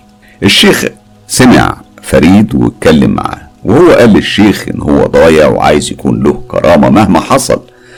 وقال له أنا حابب أكون مالك لخدام أصحاب الملابس الخضراء. وفضل يتكلم. الشيخ كان ساكت وبيسمعه لحد ما أعطاه أسامي وآيات وبحق كذا يا ويا جيلاني. والله زي ما بحكي لك كده هو ده اللي حصل معاه. وفعلا هو الشاب فريد بدأ مسيرته ومرة ورا مرة فضل الموضوع ده يكرره لحد ما بيقول إن ظهر له بخار ومن البخار ده ظهر له قطة اللي اتحولت بعد فترة لواحدة ست في منتهى الجمال. الست دي طبقا لكلام فريد كان اسمها زمردة وكانت من أميرات الجن الصوفي. كانت لابسة أخضر وشال مغطية بيه شعرها. وكان الكلام ده مديها شكل غريب وزينة غريبة. آه بعد كده عمل كل حاجة الشيخ قال عليها بالحرف الواحد. زمردة طلبت منه العهد. كان في البداية يعني عبارة عن الطاعة لله سبحانه وتعالى والصلاة. وبعدها طلبت منه إنه يذبح لمولانا الشيخ أحمد الرفاعي والشيخ عبد القادر الجيلاني. والله يا أستاذ حسام هو ده اللي حصل. هو فريد نفذ كل اللي طلبته منه. بعدها طلبت منه إنه يروح العراق ويزور ويطوف على الأضرحة. وراح على مصر وطاف حوالين مقام سيدنا البدوي. واستغاث بيهم واتمسح بأضرحتهم وعيط وطلب المدد منهم. هو نسى ربنا سبحانه وتعالى وطلب المدد من واحد ميت. وبعد رحلة طويلة بدأ يستدعي زمردة ويسأل عن كل حاجة. ضروري هنا تعرف إن الجن الصوفي من أخطر وأشرس أنواع الجن. زمردة بعدها عرضت عليه الجواز واتجوزوا فعلا وعاشوا مع بعض على حد وصفه وتعبيره أسعد وأجمل أيام حياته. بعد شهر كان دايما بيبقى قاعد لوحده. أهله بدأوا يحسوا إن في حاجة غريبة بتحصل. كانوا بيسمعوه بيتكلم. بيخبطوا عليه يلاقوه قاعد لوحده. بيحضروا الأكل. ينادوا عليه علشان ياكل معاهم. يقول لهم مش عايز سيبوني لوحدي أنا تعبان. الأمور اتطورت واتطورت بشكل غريب لغاية لما فريد بدأ يمنع أي حد إنه يدخل عليه أوضته. وقتها أهله فكروا في حاجة يغيروا بيها حاله ونفسيته. فكروا إن هو أفضل حل ليه إنه يتجوز. وجاله فعلا والده علشان ياخد رأيه. وهنا حصلت المصيبة. حصلت حريقة كبيرة في محل والده. واتحرق والده بس ربنا ستر وقدر ولطف. الحرق كان بسيط. رجعوا من المستشفى وبعدها العيلة كلها اجتمعت وناقشوا فريد في فكرة الجواز تاني. هو طبعا كان رافض الفكرة تماما لكن بعد شد وجذب مع عيلته سابهم ودخل أوضته. زمردة حضرت وقالت له المرة دي عدت على خير مع والدك المرة اللي جاية هخلص على أهلك كلهم. طبعا فريد بقى عنده حالة من العصبية الرهيبة وبدأ يشتم فيها ويلعن. بعدها حس بضربة كسرت صدره. هو صرخ وأغمى عليه. أهله بسرعة نقلوه المستشفى وكان هناك اكتشفوا عنده كسور وردود في القفص الصدري. أسبوعين كاملين ما كانش قادر يتحرك فيهم. بعدها خرج من المستشفى. في الوقت ده والد فريد جالي. وحكالي على كل التفاصيل الخاصة بفريد وقصته واللي حصل له. وطلب مني إني أعالجه. أنا بصراحة كنت محتار أوافق ولا لأ. لكن في النهاية أنا وافقت ورحت له. أنا طلبت من الكل يخرجوا ويخلوني معاه لوحدنا. وقتها فريد حكالي على كل حاجة حصلت معاه بالتفصيل الممل. وأنا حضرت اللي معايا. بكل سهولة أنا صرفت الأميرة وهددتها بالخدام اللي معايا وهي من نفسها طلبت تخرج وأنا فعلا خرجتها وانتهت المسألة بخير وأمان. في الوقت ده أنا قعدت مع فريد وفهمته إنه ورط نفسه في العالم ده وإن أنا خرجته منه وحذرته من إنه يرجع للعالم ده تاني وهو وعدني إنه مش هيحصل. جماعة اللعب مع السحر الأسود اللعب مع الجن مش لعبة. صدقوني الموضوع له أبعاد تانية كتير. الموضوع جد خطير. يا ريت يا ريت كل الناس اللي بتفكر تعمل أعمال أو تفكر إنها تستعين بمشايخ أو بمشعوذين تفكر بدل المرة ألف مرة. لأن أنت مش بس بتأذي اللي أنت رايح تأذيه أنت كمان بتأذي نفسك. إزيك أستاذ حسام؟ مساء الخير عليك وعلى كل المستمعين الكرام. قصة غريبة وعجيبة هحكيها لك النهاردة. شاب أردني اسمه عبد الله كان شغال في مجال الفايبر جلاس شغله كان يعني ماشي كويس وماشي عال العال ومعاه في الشغل كانوا في اتنين من مصر بالتحديد من مدينة الأقصر. كان بيسافر كل سنة لمصر يتفسح ويغير جو ويتواصل مع الناس وكان بيحب اللمة والمشي والفسح. يعني نوع من تغيير الجو. كان غرضه طبعا إن هو يخرج من ضغوط الحياة والشغل والإرهاق. الرحلة النهاردة في الأقصر تكون لمدينة الفراعنة الأثرية. هو كان من النوع اللي بيحب يزور الآثار من بعد فترة العصر وكان بيفضل موجود في المنطقة الأثرية لغاية بعد العشاء. هناك هو اتعرف على شخص شغال حارس. وكان دايما بيقعد معاه وبيسأله عن كل حاجة يعرفها عن المنطقة. وهم بيشربوا الشاي وكانوا بيتكلموا جه الكلام عن الآثار الفرعونية وتاريخها والحضارة القديمة. طبعا ده كان متعة جميلة بالنسبة لعبد الله اللي كان مأجر شقة قريبة. المهم في اليوم الثالث وهو قاعد في البلكونة لمح حاجة من بعيد بتتحرك. كان راجل بيسند على عصاية. وفجأة الراجل ده وقع وفضل خياله على الأرض لأكتر من ربع ساعة. فقال لنفسه لازم أروح أشوف فيه إيه. وفعلا اتصل بسواق توك توك يعرفه من هناك وطلب منه إن هو يجيله علشان يوصله لمكان الخيال اللي هو شافه. لما راح ووصل هناك كانت المفاجأة إنه ملقاش حاجة. هو كان متأكد إن هو شاف راجل بس لقى الأثر اللي موجود عبارة عن حوافر وصوابع طويلة وغريبة. استغرب طبعا هو إيه ده اللي هو شافه ده. ممكن يكون راجل مثلا ومعاه معزة أو أي حيوان ويمكن يكون تايه في المكان. فضل المهم عبد الله يمشي ورا الأثر لحد ما وصل لفتحة مش كبيرة قوي يعني يقدر يدخل فيها لو هو حب يدخل يعني. لكنه وقف وفضل باصص على الفتحة دي. حاول يسمع أي حاجة لكنه ما سمعش أي صوت غير صوت صفير الهواء الدنيا طبعا كانت ضلمة. فضل يفكر يدخل فيها إزاي والدنيا ضلمة كده. الفضول سيطر عليه وخلاه يصمم إنه ينزل في الفتحة دي. فاتصل بسواق توك توك وطلب منه إنه يجيب له كشاف نور. وفعلا السواق ما كدبش خبر جه وجاب له معاه كشاف نور لكنه حذره من إنه يتمادى في اللي بيفكر فيه. السواق طبعا فهم هو بيفكر فيه. وقال له إن المنطقة دي منطقة مقطوعة وبيتقال عليها كلام كتير وبتحصل فيها حاجات غريبة. وختم كلامه بجملة أنا بنصحك ما تدخلش هناك. قال له طيب روح أنت أنا مش هدخل. بعد ما السواق مشى على طول هو سمع صوت كلام له صدى كان خارج من الحفرة. عبد الله استغرب الصوت وقرب شوية بشوية من الحفرة لحد ما شاف نور ضعيف خارج من الحفرة دي. يا دوب بيبص شاف راجل وفعلا الراجل كان معاه معزة سودة وكان راسم دايرة وهو في نص الدايرة وكان بيقرأ حاجات غريبة. أستاذ حسام طبعا أنا بحكم خبرتي وباللي عرفته من العالم ده ومن تعاملي معاهم على مدار سنين طويلة. عارف إن الدايرة بتعتبر حصن في العالم الخاص بالصحراء والمشعوذين والجن والكيانات إياها وبرضه البخور والطلاسم لازم تكون مكتوبة على الأرض وبيقرأ التعويذ والعزائم ويذبح ويلطخ المكان بالدم. المهم اللي حصل هنا إن عبد الله صرخ واستعاذ بالله سبحانه وتعالى من الشيطان الرجيم. وفي اللحظة دي سمع عبد الله الصرخة هزت الأرض من تحته وشاف حاجة بتجري. هو طبعا اترعب وفضل يجري لغاية ما وصل للمنطقة اللي هو ساكن فيها. لما وصل لشقته رمى نفسه على السرير وحاول ينام لكنه فضل يسمع صوت صريخ بني آدم بيستنجد.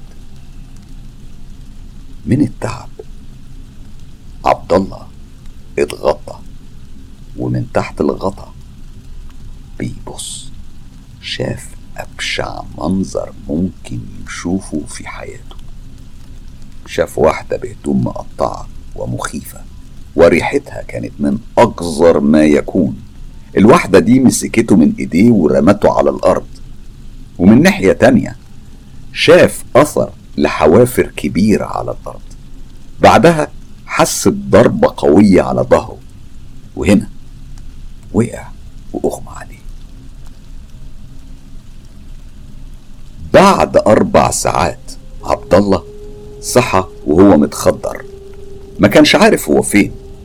هو فضل بعدها يروح لنفس المكان باستمرار لأنه كان بيلاقي راحته فيه. ما بقاش عارف هو بيروح هناك ليه. كان عامل كأنه مغيب. بيفضل يمشي للمكان من غير ما يكون له أي سيطرة على نفسه. ما هوش عارف حتى هو رايح فين وإزاي. لكن الموضوع ده فضل يتكرر يوم ورا يوم. وفي يوم كان ماشي زي عادته مغيب وبيتخبط في مشيته. هنا شافوا واحد من الناس وبلغ عنه البوليس.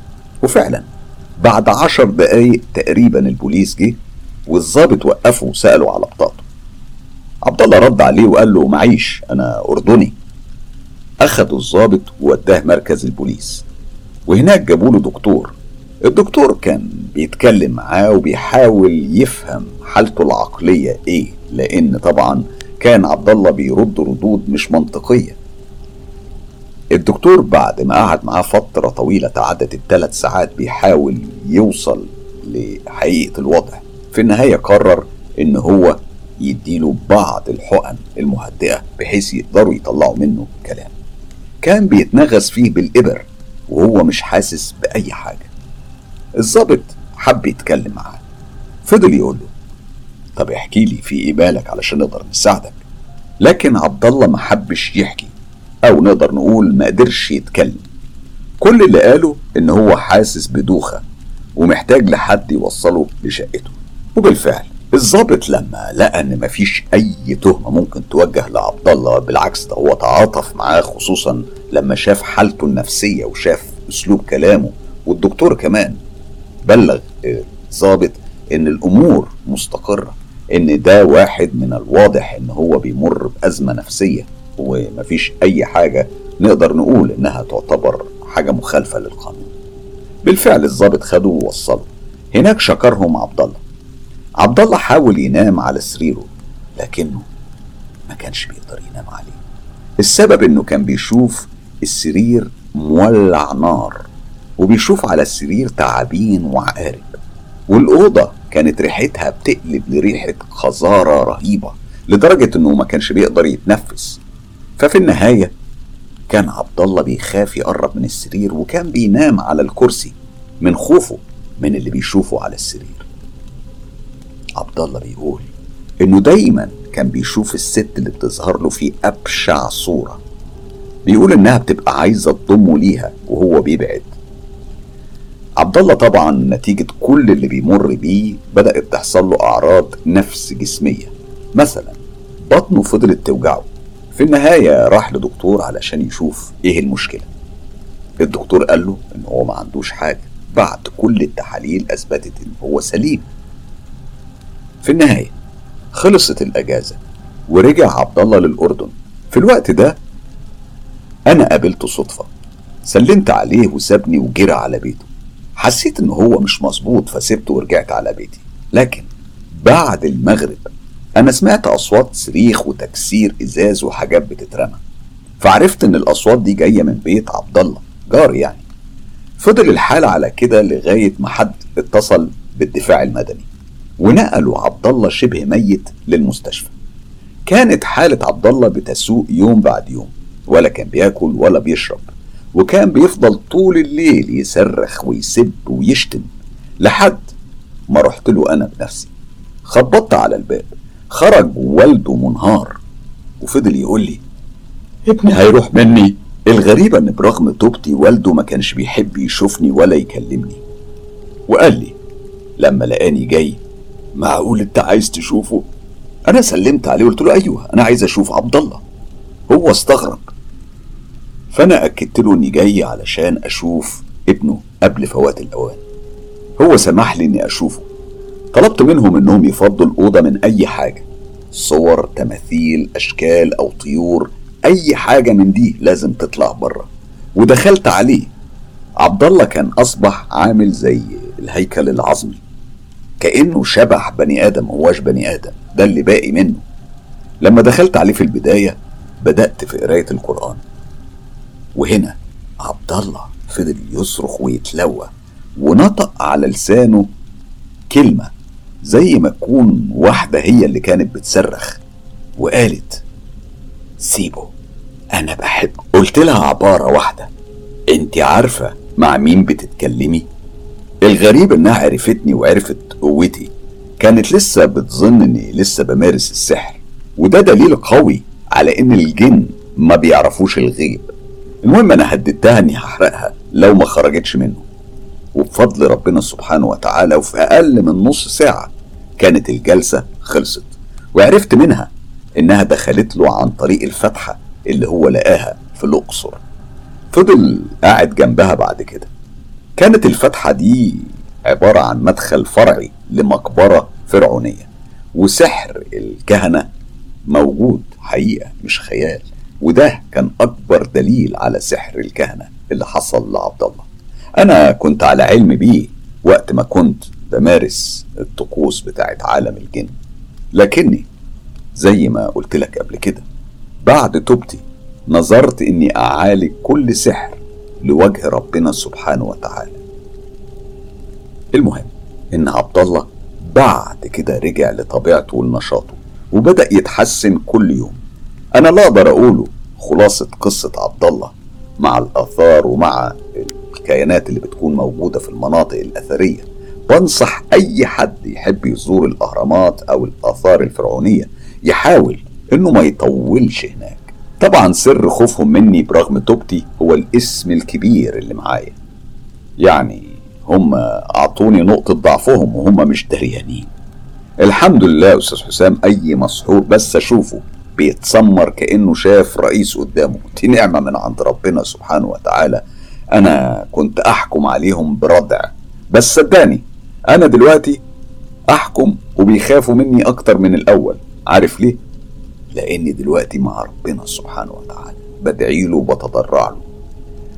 كانوا بيخافوا مني وأنا ساحر ودلوقتي بيخافوا مني أكتر. عارف ليه؟ لأني أصبحت طاهر الملبس والبدن والقلب. أكيد هكمل لك باقي اعترافاتي وباقي التجارب اللي مر بيها ناس قابلتهم في رحلة حياتي المثيرة مع عالم السحر والشعوذة. تحياتي ليك أستاذ حسام.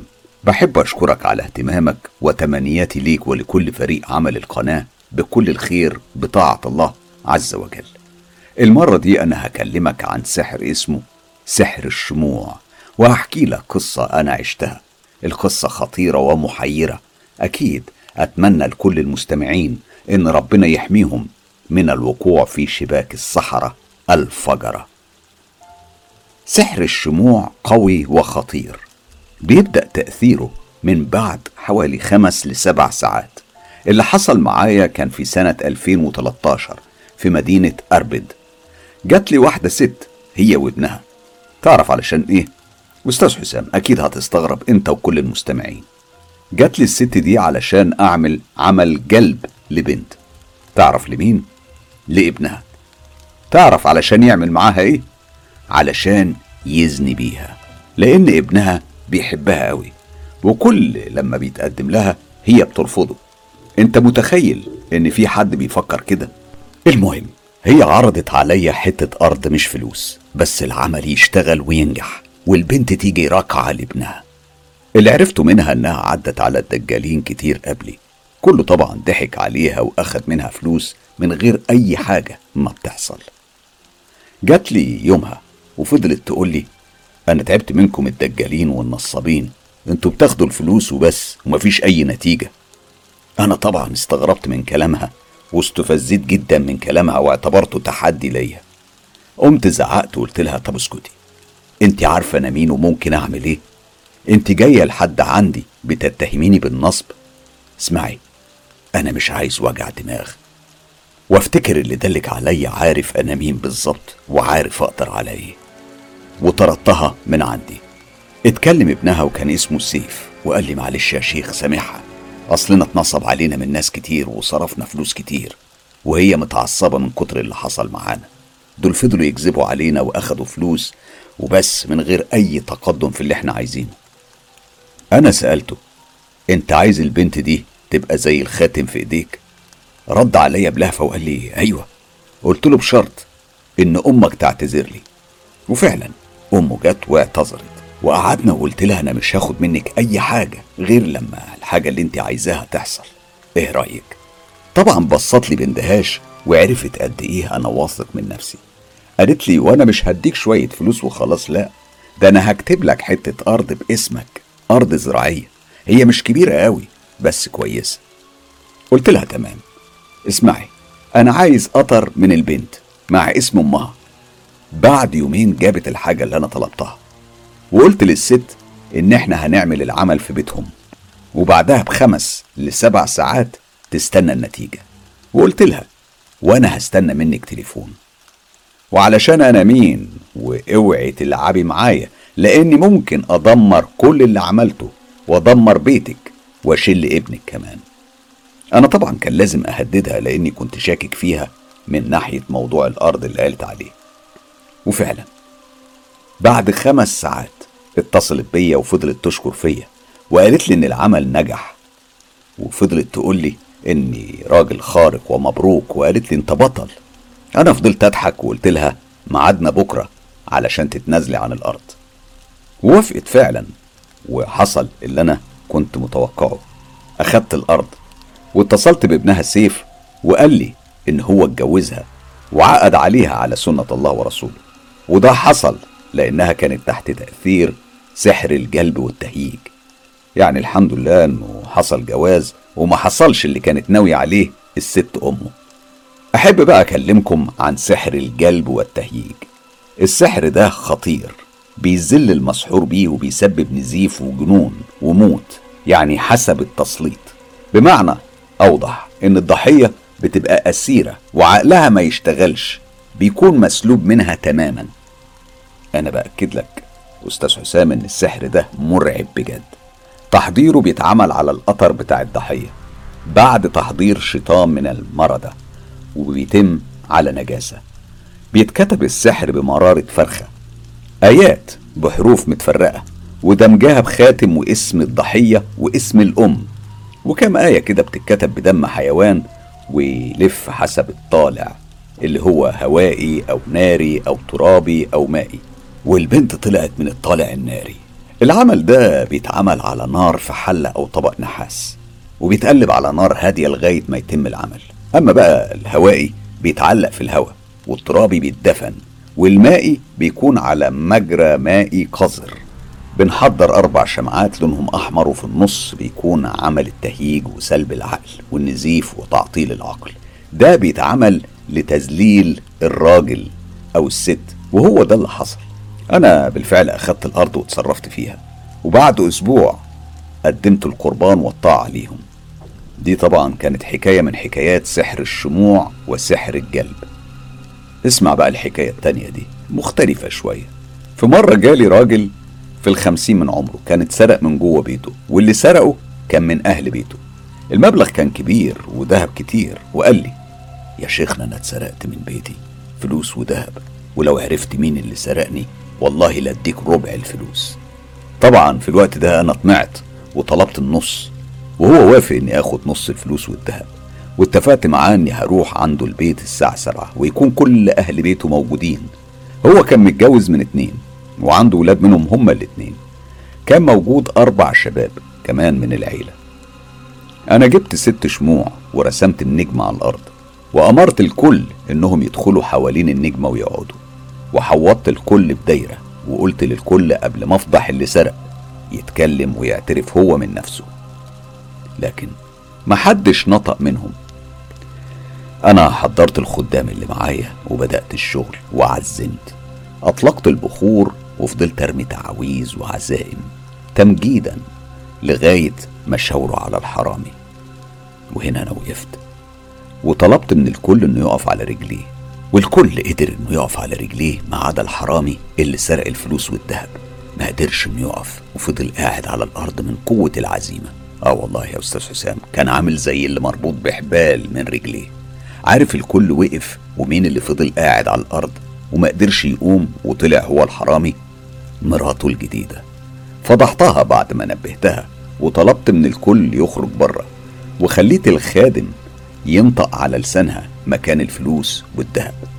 بصيت للراجل وقلت له سمعت بعدها مراته فاقت وهي بتصرخ وجوزها فضل يضرب فيها جامد قوي بس أنا ما كانش يهمني كل اللي كان يهمني وقتها إني آخد الفلوس والذهب. وبصراحة هو إداني حقي وباس راسي وقال لي أنت شيخ عظيم.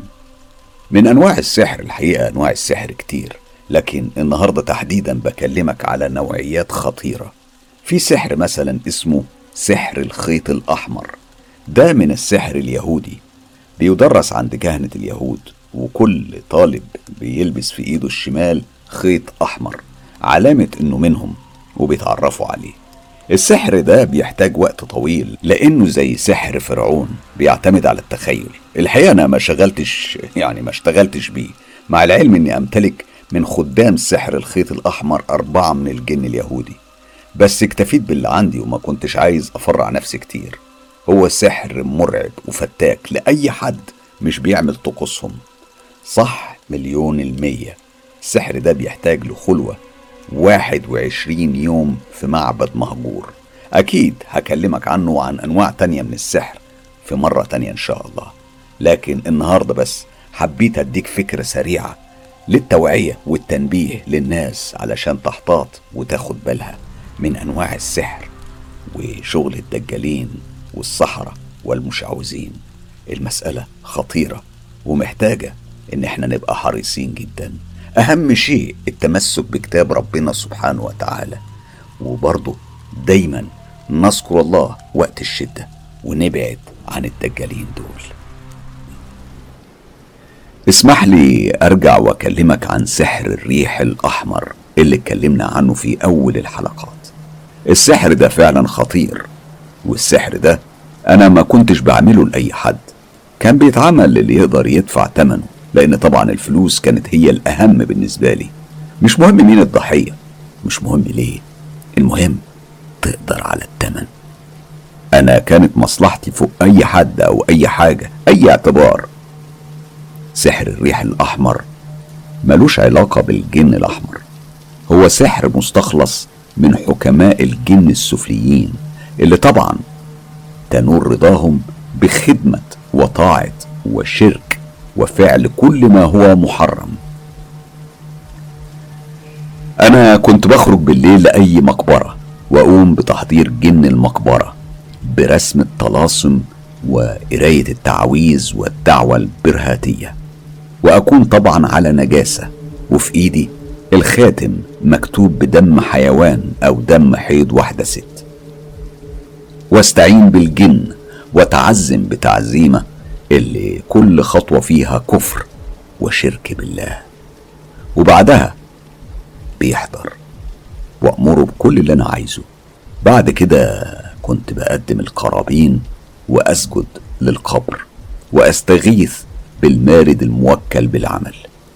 تقريبا بعد ساعة بيكون العمل اشتغل. وعلشان كده معظم الصحراء بيفضلوا الشغل مع المرضى. السبب إنهم أقوى وأسرع وبيحضروا كمان من غير إرسال خادم قبله. بيحضر بشخصه وتديه العهد ويديك اللي أنت عايزه ويبدأ يطلب منك كل ما هو محرم في الدين. زنا محارم سب الله سبحانه وتعالى. أستغفر الله العظيم. أفطر في رمضان اصلي على جنابة والهدوم تكون مقلوبة والوضوء يكون باللبن. وأقول التعويذ المطلوبة وهنا بيحضر. كانت أعمالنا بتزداد يوم بعد يوم وكل ما زدت كفر زادوني هيبة وخدم حسبي الله. هي دي كانت أحكامهم وكنت كل أسبوع أخرج لمكان يختاروا علشان أقدم الطاعة والقرابين اللازمة. علي الطاعة ليهم وتنفيذ أحكامهم. هم كده. بيحبوا اللواط والزنا وشرب الخمر. مش عشان حاجة إلا للضلال وبس. تخيل إني لو قعدت أسبوع من غير ما أعمل عمل لحد. هم بيبعتوا ناس. تصور ده يعني أعالج السحر بالسحر. وبعد ما أعالج الممسوس أكسب الخادم الموكل بالسحر يكون في خدمتي وأضمه للحاشية وده كان سحر الريح الأحمر. دلوقتي بقى هكلمك عن سحر الجماجم. قبل ما أتكلم عن سحر الجماجم عايز أقول نصيحة لكل حد بيفكر إن هو يمارس السحر وخصوصا سحر الجماجم. إياك تبدأ حاجة مش هتعرف تنهيها. وهتعرفوا السبب لما تسمعوا. إيه هو سحر الجماجم وعبارة عن إيه؟ سحر الجماجم عبارة عن إحضار خمس جماجم تكون حديثة الدفء يعني يكون أسبوع بس مر عليها. بتتنظف ويترسم عليها الطلاسم ونولع شمعة لكل جمجمة. وأبتدي أقول التعويذة اللي طبعا مش هقولها. والطريقة دي بتسهل عليك تحضير أي خادم من خدام المقابر. أعوذ بالله. الطرق كتيرة في اللي بيستعين بخادم وهو بيحضر لكنه بيكون ضعيف جدا ومراوغ ويبقى عايز يبعد عنك. هو ملهوش عهد.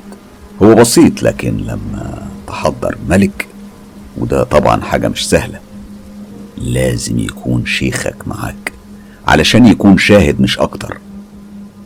إحنا كنا بنسحر الناس ونأذيهم وبنفرق بين الأزواج ونسحر بالأمراض ووقف الحال ونخرج كل أسبوع لتقديم الولاء ليهم. حكماء الجن مش أي ساحر يقدر يشوفهم. السبب لأنهم النخبة والكل بيطيعهم. بينتقل الساحر أثيريا لعالمهم هم. كأنك في حلم. ناكل ونشرب ونزني. تعمل كل حاجة بعدها. تحس بتعب وتكسير في جسمك. كأنك كنت موجود هناك بدمك ولحمك بينهم. التحضير الناس فكراه حاجة صعبة. لكن الحقيقة إنها مش حاجة صعبة. لا مش كده بس. ده أنت تقدر بجلسة واحدة. بس بقى السؤال مين اللي هيحضر؟ يا ترى طوارق ولا غيلان ولا سكان الكهوف والشقوق. ودول بقى على فكرة من أقذر نوع وغدارين يخليك تكفر ويهرب. عايز أقول لكم عالم كله غرابة. وأشد غرابة من أي حاجة ممكن تسمعها في حياتك. أنت في عالمهم عبارة عن عبد. بيبصولك نظرة احتقار. لكن محدش يقدر يلمسك أو يأذيك. صعب عليهم إنهم يأذوك. شدة الكفر للساحر مرتبته عندهم يعني كل ما يكفر كل ما يتعمل له ألف حساب. بس مش لوقت طويل الغدر والقتل والجنون من خصائصهم.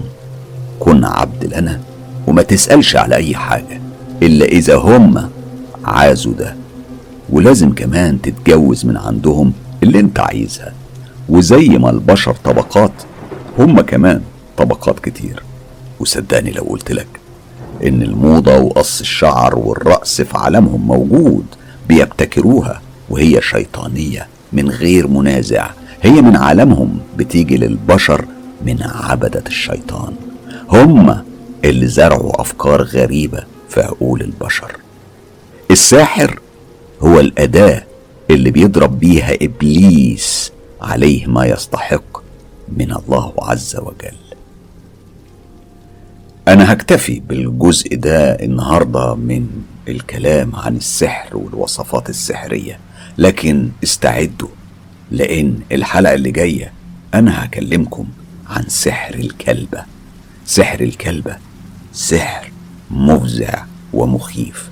أنا مش بس هحكي لكم على طقوس سحر الكلبة أنا هحكي لكم قصة متعلقة بالسحر ده. هستناكم الحلقة اللي جاية.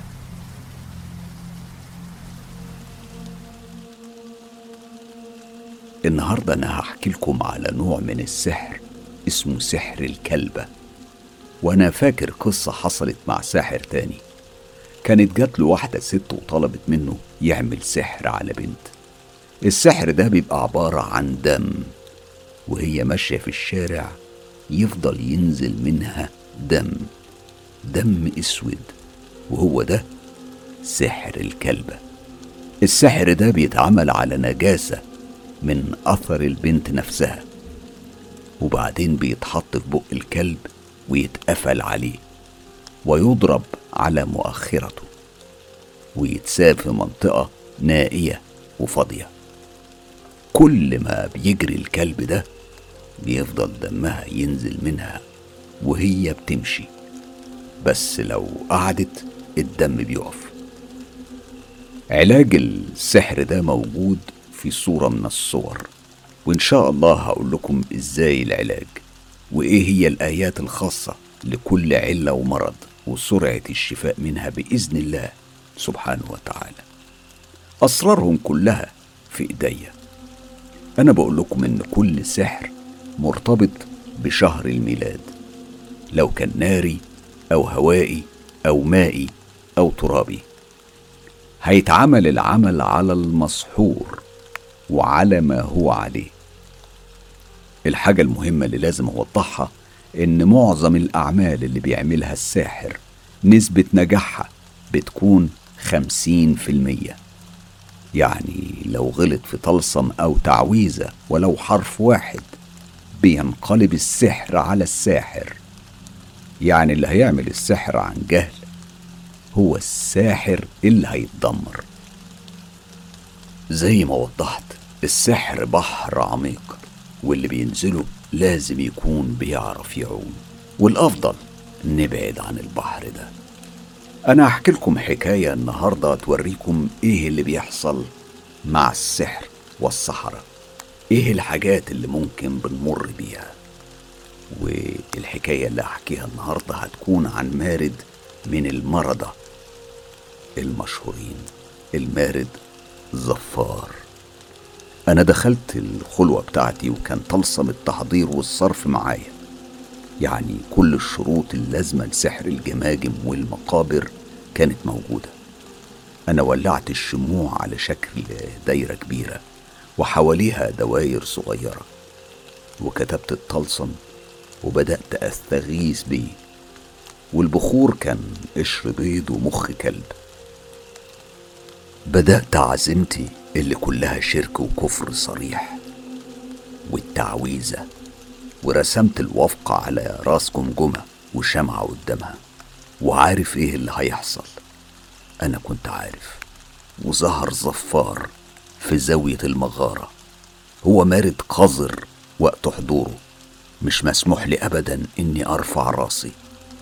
وفعلا بعد ساعة حضر وكانت عيني على الأرض. أنا شفت الحوافر كانت كبيرة ريحته كانت نتنة. مش هقدر أوصفها لأن مفيش وصف ممكن يوصفها ابدا يفهمه بشري. وقريت القسم بسرعة وقال لي حضور عظيم لعظيم انت اخترتنا وإحنا هنحميك. أنا رضيت بالرد بتاعنا لك المودة. وسخر لي خادم من أشرس الخدام السفليين على الإطلاق. المهم انصرف. رفعت راسي لقيت الطلسم مكتوب على باب المغارة وبدأت أشتغل على الخادم بقوة وبصلابة. وعند ومن غير رحمة ولا خوف. المهم كانوا في الوقت ده بيجولي ناس كتير من صفوة المجتمع لكني وزي ما قلت قبل كده بسميهم زبالة المجتمع. كنت بعمل لهم أعمال ورق بيوتهم الفخمة ما كنتش أقول أي حاجة بس أكون موجود يزفوني بالبركة. أنا جمعت فلوس كتير ودخلت البارات وبعزقت الفلوس بهبل. ما كانش بيهمني أي حاجة. الكل عايز يتقرب مني وأنا عارف إنهم كلهم كلاب وخايفين. كنت عارف بس كنت بحب أتسلى بيهم. في الوقت ده أنا بدأت أشتغل في كل حاجة سواء في سحر الكواكب اللي هو من أقوى الأعمال اللي كنت بمارسها لما كنت بشتغل في السحر. كنت بطلع أيامها على منطقة جبلية عالية وارصد النجوم واعرف الشهر العربي بالساعة المحددة وابدأ الشغل. أمور كتيرة يا أستاذ حسام. عالم السحر عالم بيشيب شعر الراس. وصدقني عالم كبير ومليان مفاجآت خطيرة ومرعبة. نرجع لزفار. أنا كنت مخلي زفار المارد للأعمال الكبيرة. ومعرفة العالم اللي حواليا من حدود وأصناف. ومين نبعد عنه؟ ومين نقرب منه؟ حاجات تلخبط دماغ أي إنسان. أنا كنت بحضره بس للضرورة. ليه؟ لأن تحضير مارد يعني شغل ما فيهوش هزار. لازم يكون طلبك له قوي ومؤذي وسريع. أنا كنت بستدعيه للتفريق والتسليط حتى على الجن نفسه. أنا كنت عارف مدى قوته ومدى معرفته باللي بيدور في عقلي لأنه كان بيقرأ أفكاري. بس هو كان نفعني واللي كان نفعني فعلا هو معرفتي بالاسم الكبير. الاسم اللي بيتسبب في خضوع الجن. وصدقني الاسم ده لو همست بيه كأنه زجر عظيم. لازم تنفيذ وإلا تموت. ده اللي يخص الجن. كانوا بيخافوا مني. لمعرفتي بالاسم الكبير. وعلشان كده بيعملوا لي ألف حساب. سلاسل من حديد عذاب شديد. كان في خوف من أي غلط. وصدقني فوق كل ده هما كدابين. ومراوغين. أنا ما كنتش بصدقهم. لاحظ إني كنت بحضر أشكال وأنواع كتيرة علشان أحيرهم في بعض. طبعا ما هم علموني من خبثهم. فرق تسد. وبرضه خالط كتير تعرف أكتر. والكل بيحاول يتقرب لك ويتدللك ويحذرك من ده ومن ده. زفار المارد كان بيخدم واحد من السحرة واختلف معاه وخل بالعهد اللي بينه وبين زفار المارد. وفي يوم الساحر ده حس بحاجة دخلت في صدره وخرجت. والله يا أستاذ حسام بعد أسبوع الساحر راح للمستشفى وكان السرطان منتشر انتشار كامل تخيل. وده مؤكد في العالم بتاعهم. أنا بستغرب من الشباب اللي حابين يتعلموا. يعني كل التحذيرات ومحدش منهم قادر يستوعب مدى خطورة الموضوع. المارد ده قعد معايا سنتين وما طلبتش منه غير أربع مرات. كنت بستنى في طلبه لغاية ما يجيلي شغل كبير يستاهل إني أحضره. كنت حريص كل الحرص في ده. حضوره أصله مشكلة وبرضه صرفه مش بالساهل. هو من سكان القلاع والجبال العالية زي جبال القلب وغيري طبعا بيستعين بيه. مش أنا بس السحرة أصلهم كتير يعني مش أنا الساحر الوحيد أو مش أنا اللي كنت الساحر وقتها. وبعدين في أنواع يعني خطر تحضيرها حتى هم ينصحوك بده. يعني حضورهم بيسبب مشاكل أنت في غنى عنها. تفتكروا بعد اللي سمعتوه ده؟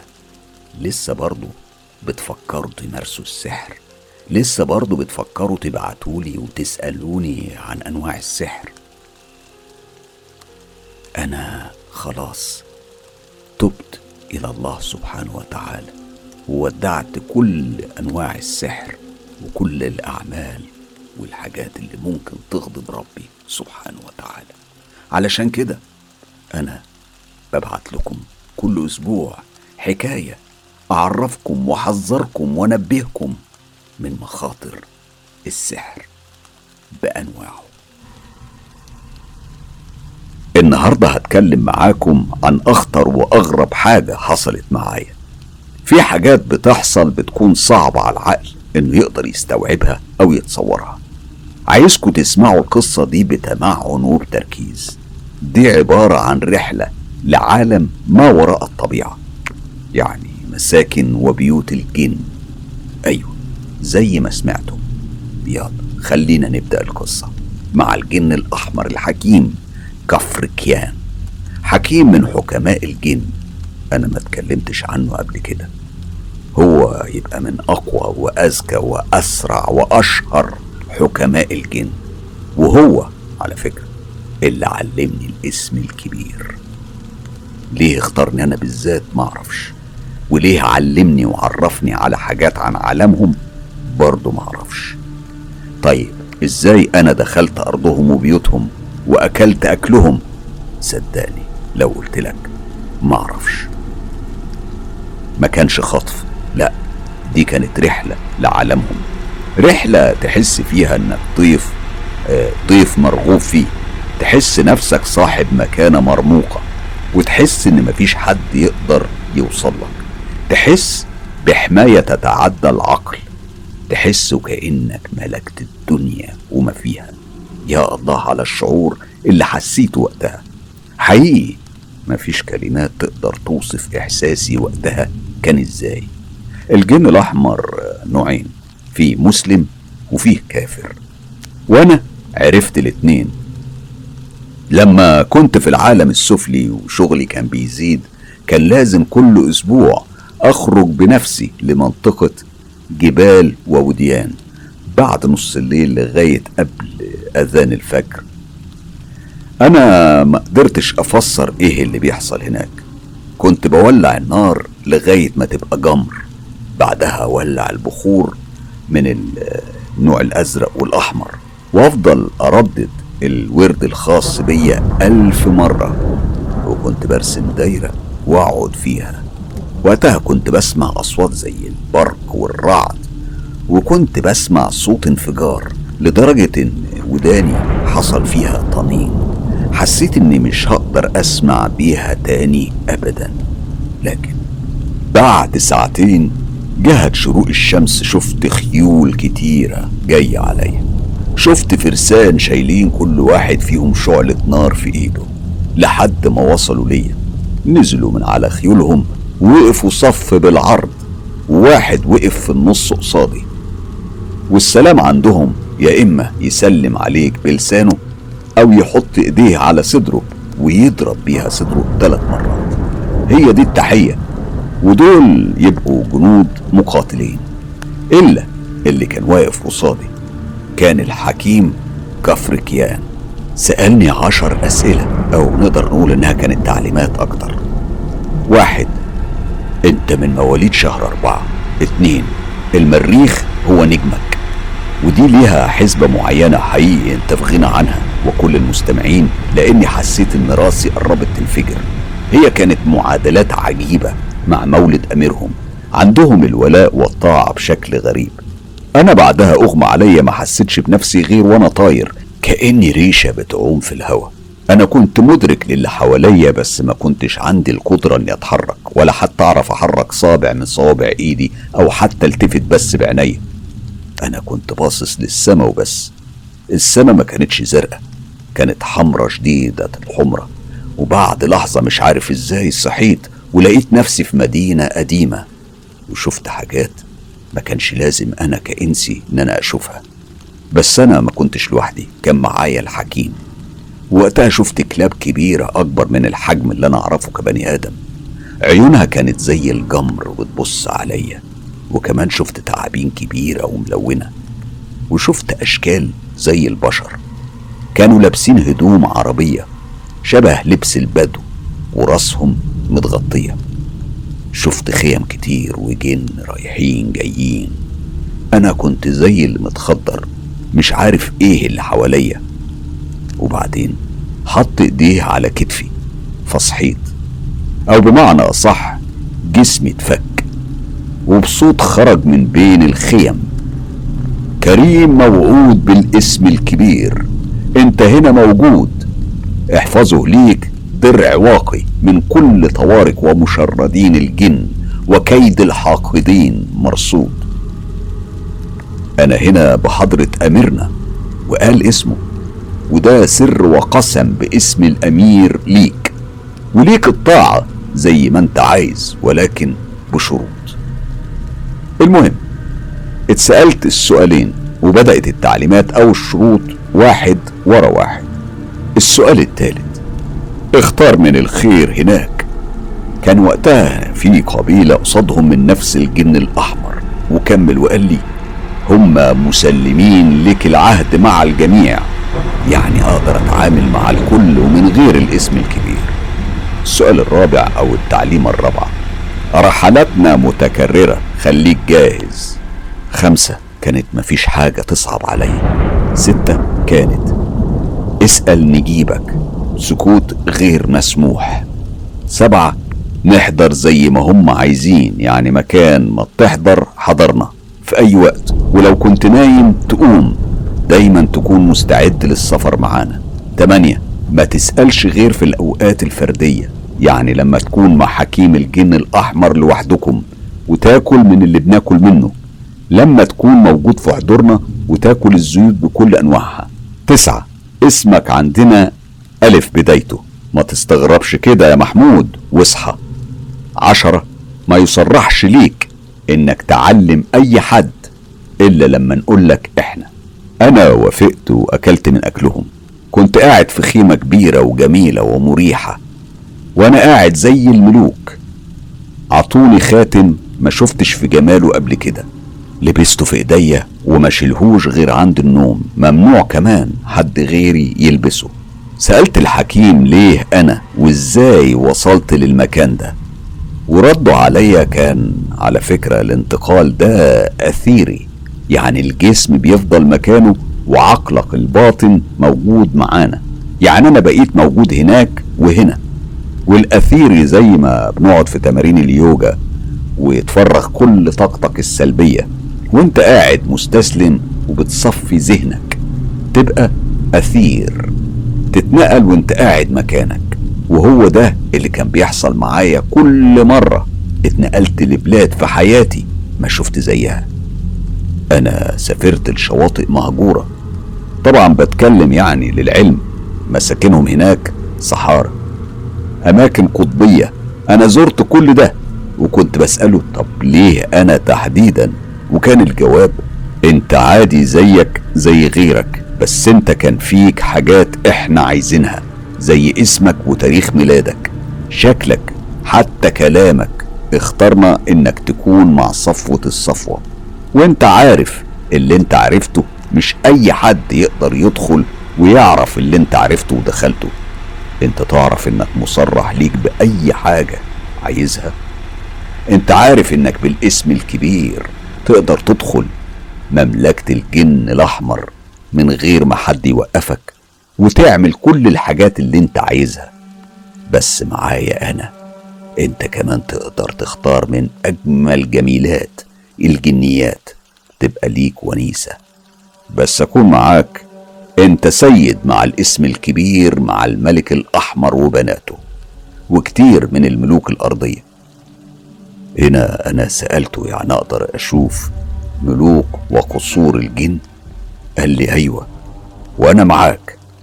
مش القصد يعني أفرض نفسي عليك لا بس علشان أوصف لك إيه الصح من الغلط.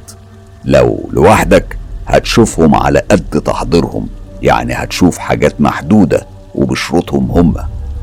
إذا حبيت تضيف لخدمتك ده شيء متروك ليك. يعني أقدر أحضر أي واحد فيهم بس بشروطهم وعهدهم. دي كانت رحلتي في عالم الجان أو لمحة من رحلتي في عالم الجان. أنا من حوالي أسبوعين لاحظت إن في ناس بيحاولوا يتواصلوا معايا علشان يتعلموا العلوم الروحانية اللي هي يعني بتدور على تسخير الجن. برغم كل التحذيرات والتنبيهات من خطورة الأمور دي إلا إن في ناس مش عايزة تفهم الموقف الخطير اللي هم ممكن يبقوا فيه وعايزين إنهم يخوضوا التجربة.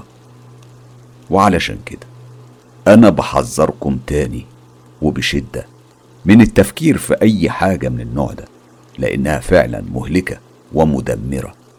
هي عبارة عن شرك بالله سبحانه وتعالى. وعلشان كده أنا هقول لكم تجربة حصلت معايا من ضمن رحلتي في العالم الغريب ده اللي ملهوش أي عهد ولا ميثاق. كل اللي هتلاقيه في العالم ده حقد وانتقام منهم ليك. والسبب إن إحنا مخلوقين من طين وهم مخلوقات ذكية وسريعة وخفيفة.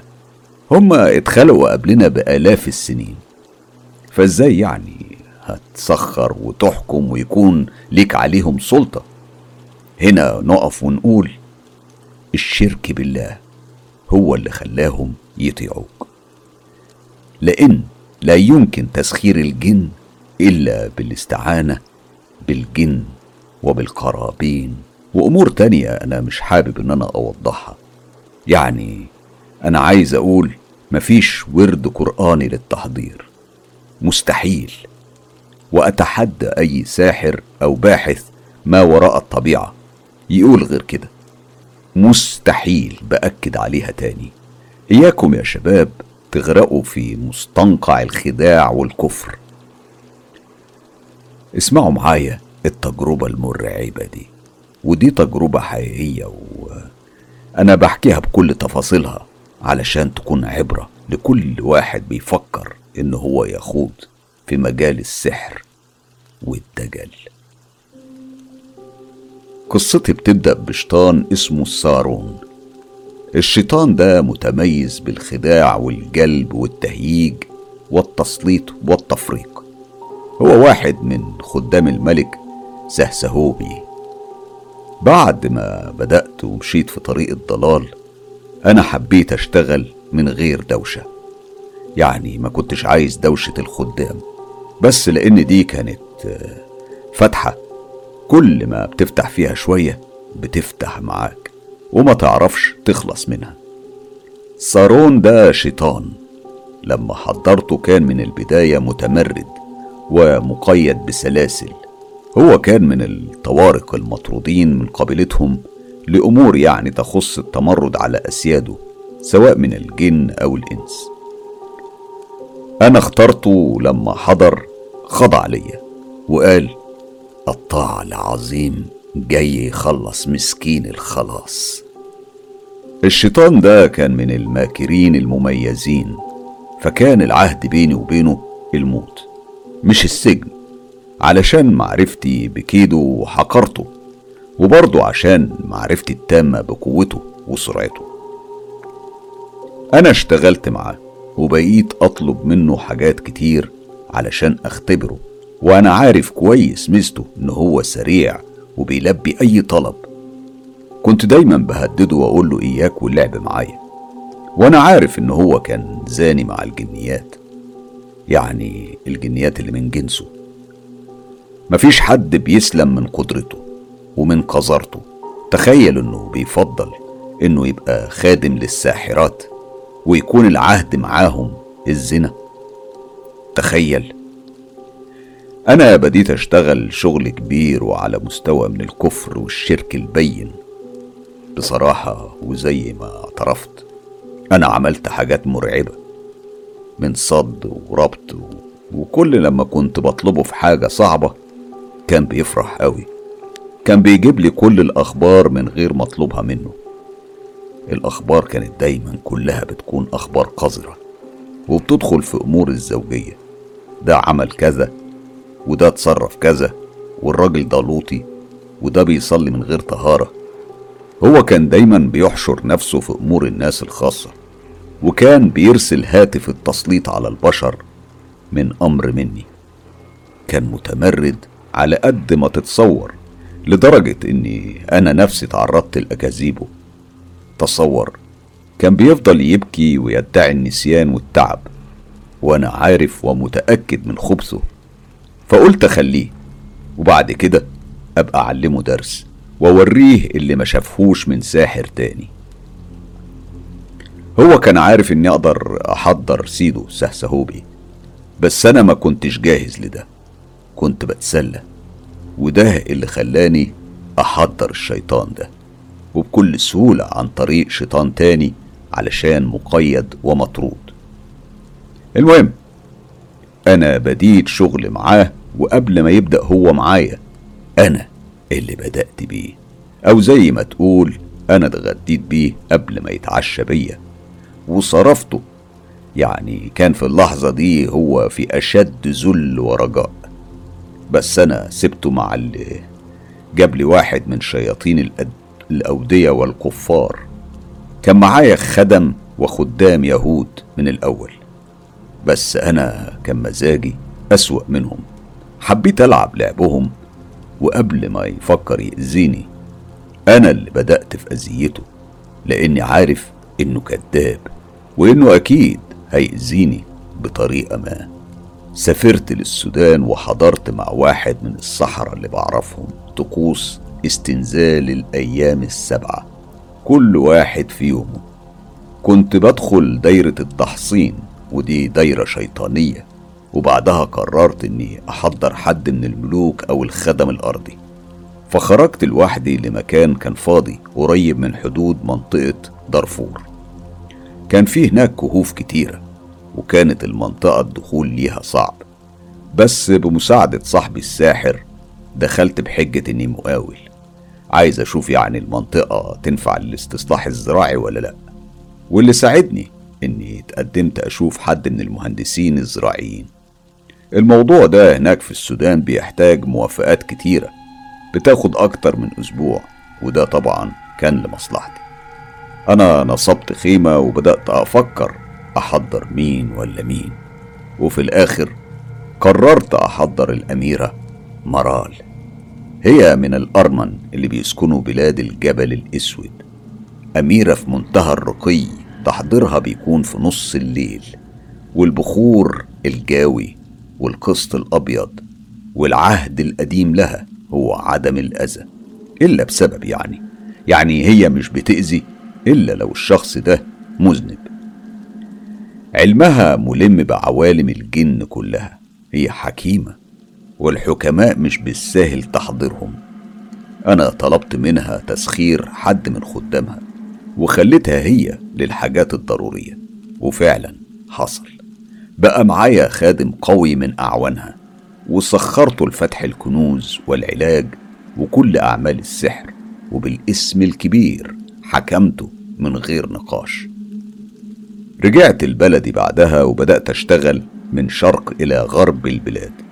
أنا كنت باخد فلوس بس بالنسبة للدفائن كان من أفضل الخدام اللي اشتغلت معاهم واحد كان اسمه كاسر. كان في مزرعة في منطقة شرق عمان وكان في ناس ساكنة هناك وكانوا بيشتكوا من صريخ في آخر الليل. أهل المزرعة دي اتصلوا بالشرطة وبعد المراقبة على المزرعة ما عرفوش يوصلوا لحاجة لغاية ما حد من أهل المزرعة أشار عليهم بأنهم يجيبوا شيخ علشان يشوفوا فيه إيه بالظبط. وبالفعل هم اتواصلوا معايا أنا رحت لهم وكانت صدمة كبيرة. المزرعة كان فيها رصد يهودي مطلسم على قرد. النوع ده من أخطر أنواع الأرصدة اللي بتحرس الذهب. طبعا أنا حضرت الخادم اللي معايا كاسر وهو كان مختص في الحاجات دي. هو حضر لكن للأسف قال أنا ما أقدرش على الرصد ده. ده رصد يهودي صعب أتعامل معاه. بس هقولك مين اللي يقدر عليه. أنا هنا سكت. الموضوع مش بالسهولة دي.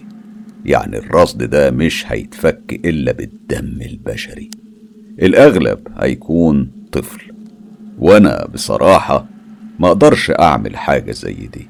صحيح أنا عملت كل حاجة حرام في الدنيا لكن عمري عمري ما وصلت إني أقتل. وكمان هقتل إيه؟ طفل بريء. لا طبعا ما أقدرش. اللي حصل إني سبت المكان بكل سهولة. بعد يومين جالي شاب وكان عايز يتعلم. تصدق إنه عرض عليا العبودية مقابل إنه يتعامل معاهم. هو حاول بكل قوته لكن أنا رفضت. مش علشان أنا كنت خايف عليه لا طبعا بس علشان ما كنتش عايز يبقى فيه منافس ليا. يعني هطلع تلميذ من تحت إيدي ويسيبني وفي الآخر يشتغل لوحده. لكن هو راح لواحد تاني وأعطاه للأسف طلسم تحضير لشطانة جنية خطيرة جدا تحضيرها وصرفها فيه مشكلة كبيرة. بالذات إن هو كان في بداية تعليمه وحصل واتعامل معاها وحضرها وكان العهد إنه يتجوزها ويمارس الرذيلة على القرآن متقطع ومفروش على السرير. لا حول ولا قوة إلا بالله. يعني يمارس الرذيلة على آيات الله عز وجل علشان يحضرها وتقدمه. ما كملش شهرين وسمعنا بوفاته. تصدق إن هو رمى نفسه من بلكونة عمارتهم من الدور الرابع. الدكتور الشرعي أكد إن الوفاة انتحار. وأنا قلت لأ ده تلبس. بس القانون ما بيعرفش السحر والسحرة. بصوا يا شباب أنا حكيت وربنا شاهد على اللي حصل. أرجوكم بلاش تنجرفوا ورا التهلكة. القصة أقسم بالله إنها حقيقية. وأنا عارف كل تفاصيلها وعارف إيه اللي وصله لكده. يا ريت تسمعوني وتبعدوا عن الطريق ده. بالله عليكم. ابعدوا عن خطوات الشيطان. أنا جريت وسبت ثروات ضخمة واتبرعت بأموال ما يعرفهاش إلا ربنا سبحانه وتعالى. يا ريت كنت أعرف قبل ما أكون ضحية. بس الحمد لله وكل الشكر لمراتي الحبيبة اللي كانت هي الدرع والدكتور والدواء.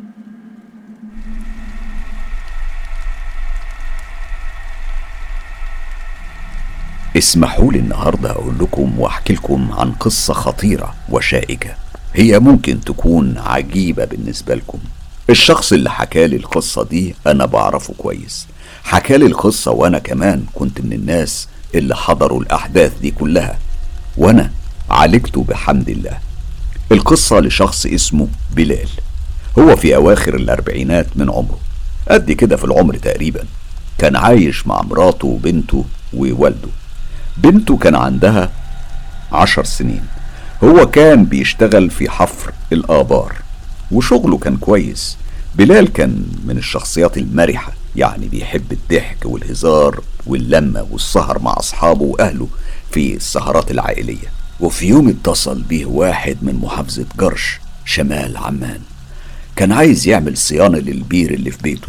البير كان قديم ومهجور ومليان حجارة. كان عايز نظافة وصيانة. بلال كان شغله في الحفر بس لكن الراجل ألح عليه إنه يعمل له الصيانة. المهم اتفق معاه وكان عنده عربية نقل صغيرة. أخد معاه أربع عمال وكان يوم جمعة. قال لنفسه رزقه جاله فمش هيقول له لأ. والجمعة أجازة يروح بدري ويخلص الشغل اللي هو عايزه بدري بدري. بلال حسبها كده مع نفسه لكن الحسبة طلعت غلط. واللي حصل كان غير كده خالص. اللي حصل بعدها كان عذاب ورعب مخيف. وصل بلال المكان وقابل الراجل ووراه البير. كان البير مليان ورق شجر وخشب كان بير قديم جدا. سألوا بلال عن البير لو كان شغال ولا لأ. هو يعني كان يعني محتاج صيانة وخلاص ولا في حاجة تانية؟ الراجل قال له دلوقتي بس نضفه وبعدين نبقى نشوف هيشتغل ولا لأ. وبدأوا العمال يشتغلوا لغاية الساعة واحدة بعد الظهر. بعدها العمال روحت وبلال نزل البير علشان يشوفه شغال ولا لأ. البير كان عريض مش عميق. هو لاحظ إن في رسمة وكتابات غريبة جوه البير ولاحظ آثار نار على الأرض وحاجة خلته يتشد إن هو يصور إيه الشكل اللي موجود على أرض البير. بلال طلع الكشاف وشغله وصور الرسمة اللي شافها على الأرض. بعدها أخد أجرته وروح على بيته وهو مبسوط ومرتاح. بعد ما أخد الحمام بتاعه واتغدى دخل نام لغاية الساعة تسعة. وبعد ما صحى قعد وشرب القهوة في البلكونة وتليفونه في إيده. وقتها افتكر الصورة اللي صورها جوه البير ودخل الصورة على الكمبيوتر اللي عنده. وهنا شاف رسومات وكتابات مش مفهومة.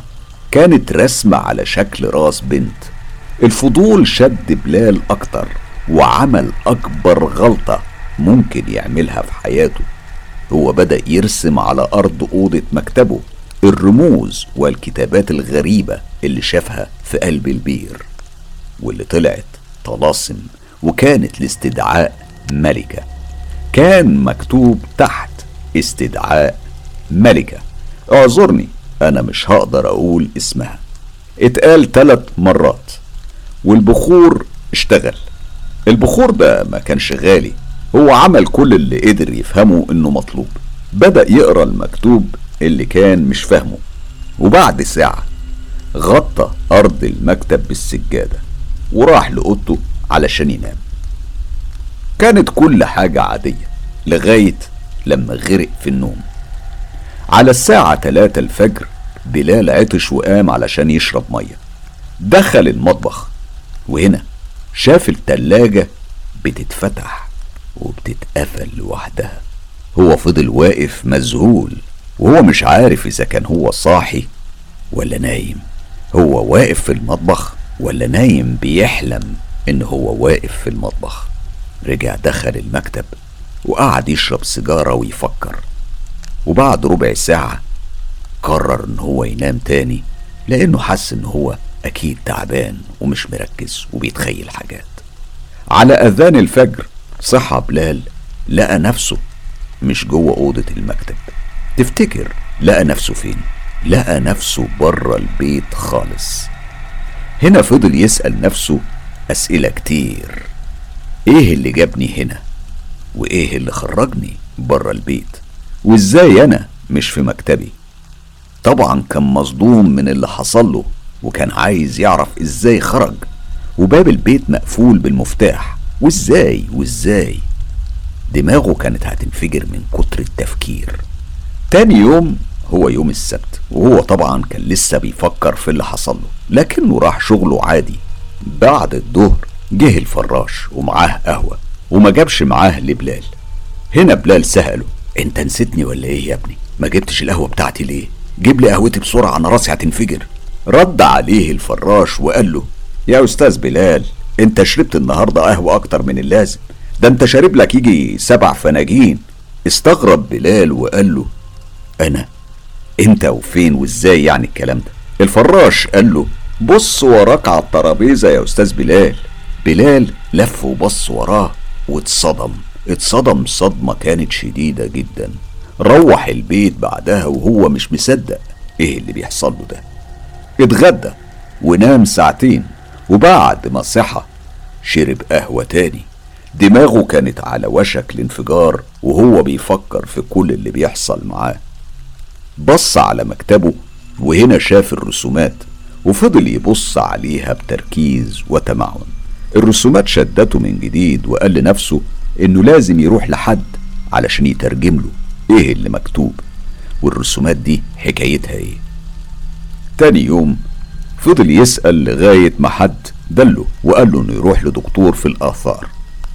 فعلا هو راح له وطلب مقابلته وقعد معاه. الدكتور أول ما شاف الرسومات والكلام اللي كان مكتوب إيديه كانت بترتعش ورمى الرسومات من إيديه وقال له أعوذ بالله ده سحر وطلاسم. بقول لك إيه؟ اطلع بره اطلع بره أنا مش عايز الكلام ده في بيتي. اطلع بره حالا. خرج بلال وهو مش عارف يعمل إيه. حيرته زادت عن قبل ما يروح لدكتور الآثار.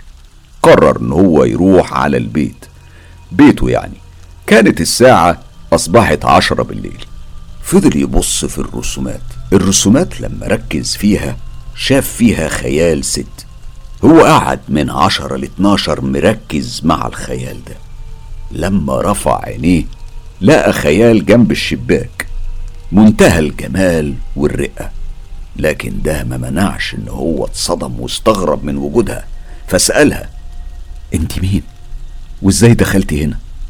لكنها بصت له وضحكت وبعدها ردت عليه وقالت له أنت نادتني وأنا معاك دلوقتي. بلال فضل مذهول من كل حاجة ما كانش مصدق اللي بيسمعه. فرد عليها بسرعة وقال لها أنا؟ أنت أنت إزاي يعني؟ أنا أصلا معرفكيش هناديك إزاي؟ أنت أنت أكيد بتكدبي هي وقتها شاورت على المكتب وقالت أنا مريم اللي في الصورة واسمي هو اللي كان مكتوب. بلال وهو لسه مش مستوعب اللي بيحصل قال لها وانت وانت وانت عايزة مني إيه؟ اسمعي ده بيتي ومراتي موجودة وأبويا كمان. ردت عليه وقالت له أنا هساعدك وأشيل عنك تعب الشغل. أنا هخليك غني وهيبقى ليك مقام كبير بين أهلك والناس كلها. بس اوعى تخالفني في أي حاجة. وده كان بداية الكفر للأسف لأن بلال طبعا استعان بيها. هي طلبت منه إنه ياكل بيض وينشف قشر البيض ويبخر بيه وهي هتجيله على طول. والكلام ده ما يكونش في البيت لازم يكون في مكان معزول. وقالت له كمان إنها سابت له هدية في درج مكتبه. بلال راح فتح الدرج ولقى كيس قماش. بيبص بعدها لقاها اختفت. ومن هنا بدأت اللعبة والشرك بالله. يا ريت الناس تتعظ بجد وما يغرهاش المغريات وتجري وراها. المهم أكمل لك يا أستاذ حسام. فتح بلال الدرج لقى كيس قماش. لما فتحه لقى فيه فلوس كتير قد ما بيكسب يمكن عشر مرات من شغله. طبعا هو فرح كتير وخلاص قرر إن هو هيفضل معاها بلال قدم استقالته من شغله وباع كل العدة اللي كانت عنده. وما بقاش يعمل حاجة غير إنه بقى مع مريم زي ما ادعت يعني. على فكرة هي مش مريم هي شطانة ملعونة اسمها مقرون بقبيلتها كذلك مشهورة بإنها خبيثة زانية عاهرة من عاهرات الجن السفلي. وابتدى بلال يخرج لمناطق معزولة وفاضية. بعدها استقر في مغارة مهجورة بعيد عن الناس. كل اللي بيعمله إنه بيبخر بقشر البيض وكانت بتجيله وبيمارس معاها الرذيلة لحد ما أصبح نحيف الجسم. دقنه أصبحت طويلة وضوافر إيديه شكلها بقى مرعب. في الوقت ده مراته كانت بقى تدور عليه في كل مكان. هي ما حبتش تقلق والده لأنه كان كبير في السن فبعدها بلغت الشرطة. وبدأت رحلة العذاب لحد ما شافوا حد من رعاة الغنم وبلغ البوليس. الشرطة جت بعدها وأخدته لبيته. بعد ما شافته مراته فضلت تصرخ. كانت اتصدمت من شكله وفضلت تعيط. أما هو فضل قاعد يكلم نفسه. البيت كان خلاص خيم عليه الحزن والكآبة. أصبح بيت مقبض للنفس. ويوم بعد يوم لغاية تقريبا لما شهر عدى عليه وهو بالشكل ده كان أصبح خلاص تقريبا في عداد الأموات. وفي يوم وأنا خارج أنا اتفاجئت بصريخ مش طبيعي والناس كانت اتلمت. سألت واحد من الجيران في إيه؟ قال لي تقريبا الراجل ده اتجنن وبقى مش طبيعي أو يمكن جرى لعقله حاجة. حاولت أدخل وأتدخل وأشوف فيه إيه الموضوع كان صعب.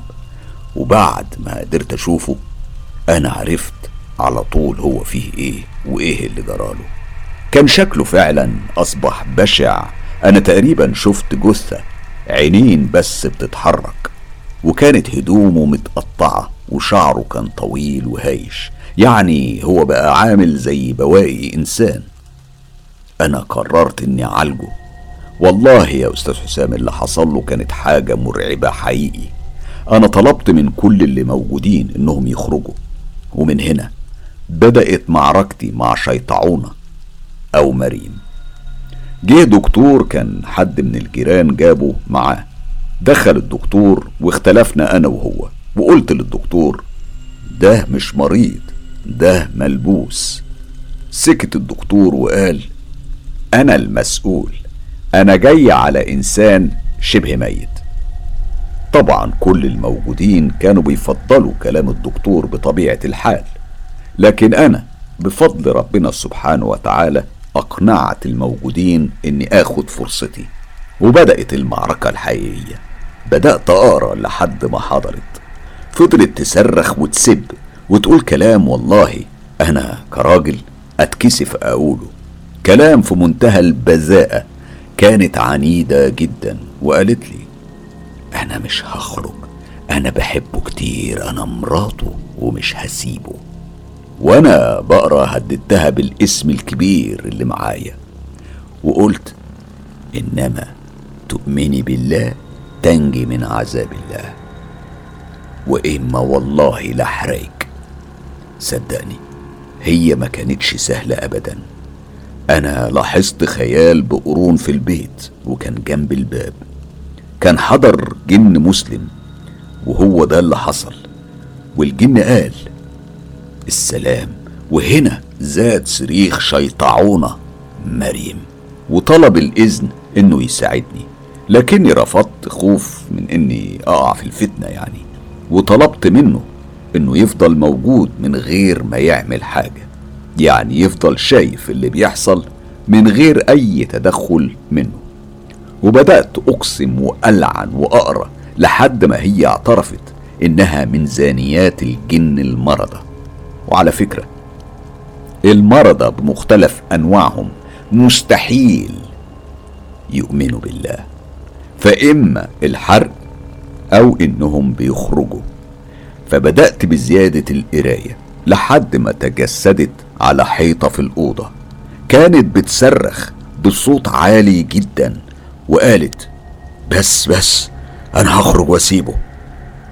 وقتها الجن المسلم من الناحية التانية قال لي احرقها يا شيخ والله أنا شايف رمضها هيفك أسحار كتير والله دي أكبر ملعونة. قريت عليها بالاسم الكبير وفي أقل من دقيقتين كانت كومة رماد على الأرض. بعدها استعاد بلال وعيه وحكينا له على كل اللي حصل معاه. وطلبت من مراته في الوقت ده إنها تروح بيه للدكتور. شكرتني مراته ووالده لدرجة إن والده كان بيعيط بحرقة وكان عايز يبوس راسي. خرجت من البيت وكنت حاسس إن في حد ماشي ورايا. رحت على البيت وبعدها بأسبوع لقيت بلال حاطط كاميرات على باب البيت. وهنا كانت المفاجأة اللي هقدمها ليك ولكل المتابعين. الساعة كانت 12 بالليل وكنت خارج من البيت وإحساس إن في حد ماشي ورايا كان لسه مستمر. المفاجأة إن كائن من الجن المسلم كان ماشي ورايا من وقتها. والمفاجأة الأكبر والله سبحانه وتعالى شاهد على اللي بقوله إن في صورة للكائن المسلم اللي مشى ورايا. الصورتين واحدة لبداية الحضور والصورة التانية لبداية الحضور والتشكل بصورة قط واقف على رجليه. والله صدقوني اللي حاول يتعامل مع العالم ده بيشوف الويل. أنا إن شاء الله هعمل بث مباشر هأكد لكم الكلام ده وهتشوفوا جبنهم وسقطتهم وذلهم. بس اللي يعرف الاسم الكبير. وعلى فكرة الاسم الكبير ده عبارة عن دعاء صغير مع اسمين من أسماء الله عز وجل. أتمنى إن كل الناس تبعد على قد ما تقدر عن سكة الدجل والدجالين. خليكم مع الله. مع الله كل الأمور بتبقى أفضل وبتبقى أحسن. القصة اللي هحكيها لكم زي باقي القصص. أنا عشتها وعرفت كل تفاصيلها وهنتكلم فيها عن آفة كل وقت وعصر وهي الفضول. قد إيه الفضول ممكن يتسبب في مصايب وبلاوي كتير زي ما حصل مع أيمن؟ مين أيمن؟ وإيه اللي حصل له؟ أنا هقول لكم على كل حاجة عنه. أيمن ده شاب في منتصف العشرينات. كان فضوله كبير قوي وخصوصا في عالم الجن. أيمن كان بيلف وبيسأل على المشايخ اللي ليهم في العالم ده. وفي مرة كان خارج من الشغل واتصل على رأفت صاحبه وطلب منه إنه يقابله ويقعدوا مع بعض. هما فعلا اتقابلوا على القهوة وده كان المكان المفضل بتاعهم وفضلوا يتكلموا مع بعض. الكلام أخدهم وأيمن كلم رأفت وقال له على اللي بيفكر فيه. رأفت بصله بذهول من اللي هو حكاهوله. وقال له أنت اتجننت؟ إيه اللي أنت عايزه من الحاجات دي؟ سيبك منها أحسن لمصلحتك واوعى تفتكر إنها بتساعد في حاجة. الحاجات دي بتضر وما بتنفعش. ما بتنفعش في أي حاجة صدقني واسمع مني. المشكلة إن أيمن صمم وقال له أنت هتساعدني وتدلني على شيخ من الشيوخ اللي مخاويين دول ولا أروح أدور لوحدي؟ بصراحة رأفت ما كانش مقتنع ولا موافق بس في نفس الوقت ما كانش عايز يسيب صاحبه لوحده. كان خايف عليه.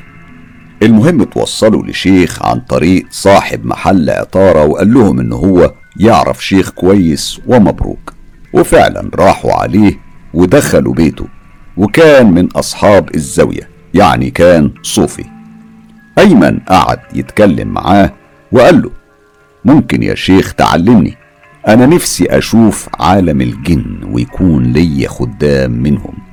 الشيخ هز راسه وقال له يا ابني كل إنسان وله روحانيات بس بيبقى مش بيتعامل معاها ويستخدمها صح. أنا هساعدك ومش هاخد منك أي حاجة بس عايزك تجيب لي بخور معين وده مش هتلاقيه غير عند واحد بس. وعطاهم اسم العطار وعنوانه. ولما راحوا لقوه نفس الراجل اللي دلهم على الشيخ. المشكلة إنهم ما حطوش في بالهم ولا ربطوا الأحداث ببعضها ولا أخدوا بالهم إنهم بيشتغلوا سوا مع بعض. المهم اشتروا البخور واللي كان غالي جدا يعني تقريبا مرتب شهر بحاله.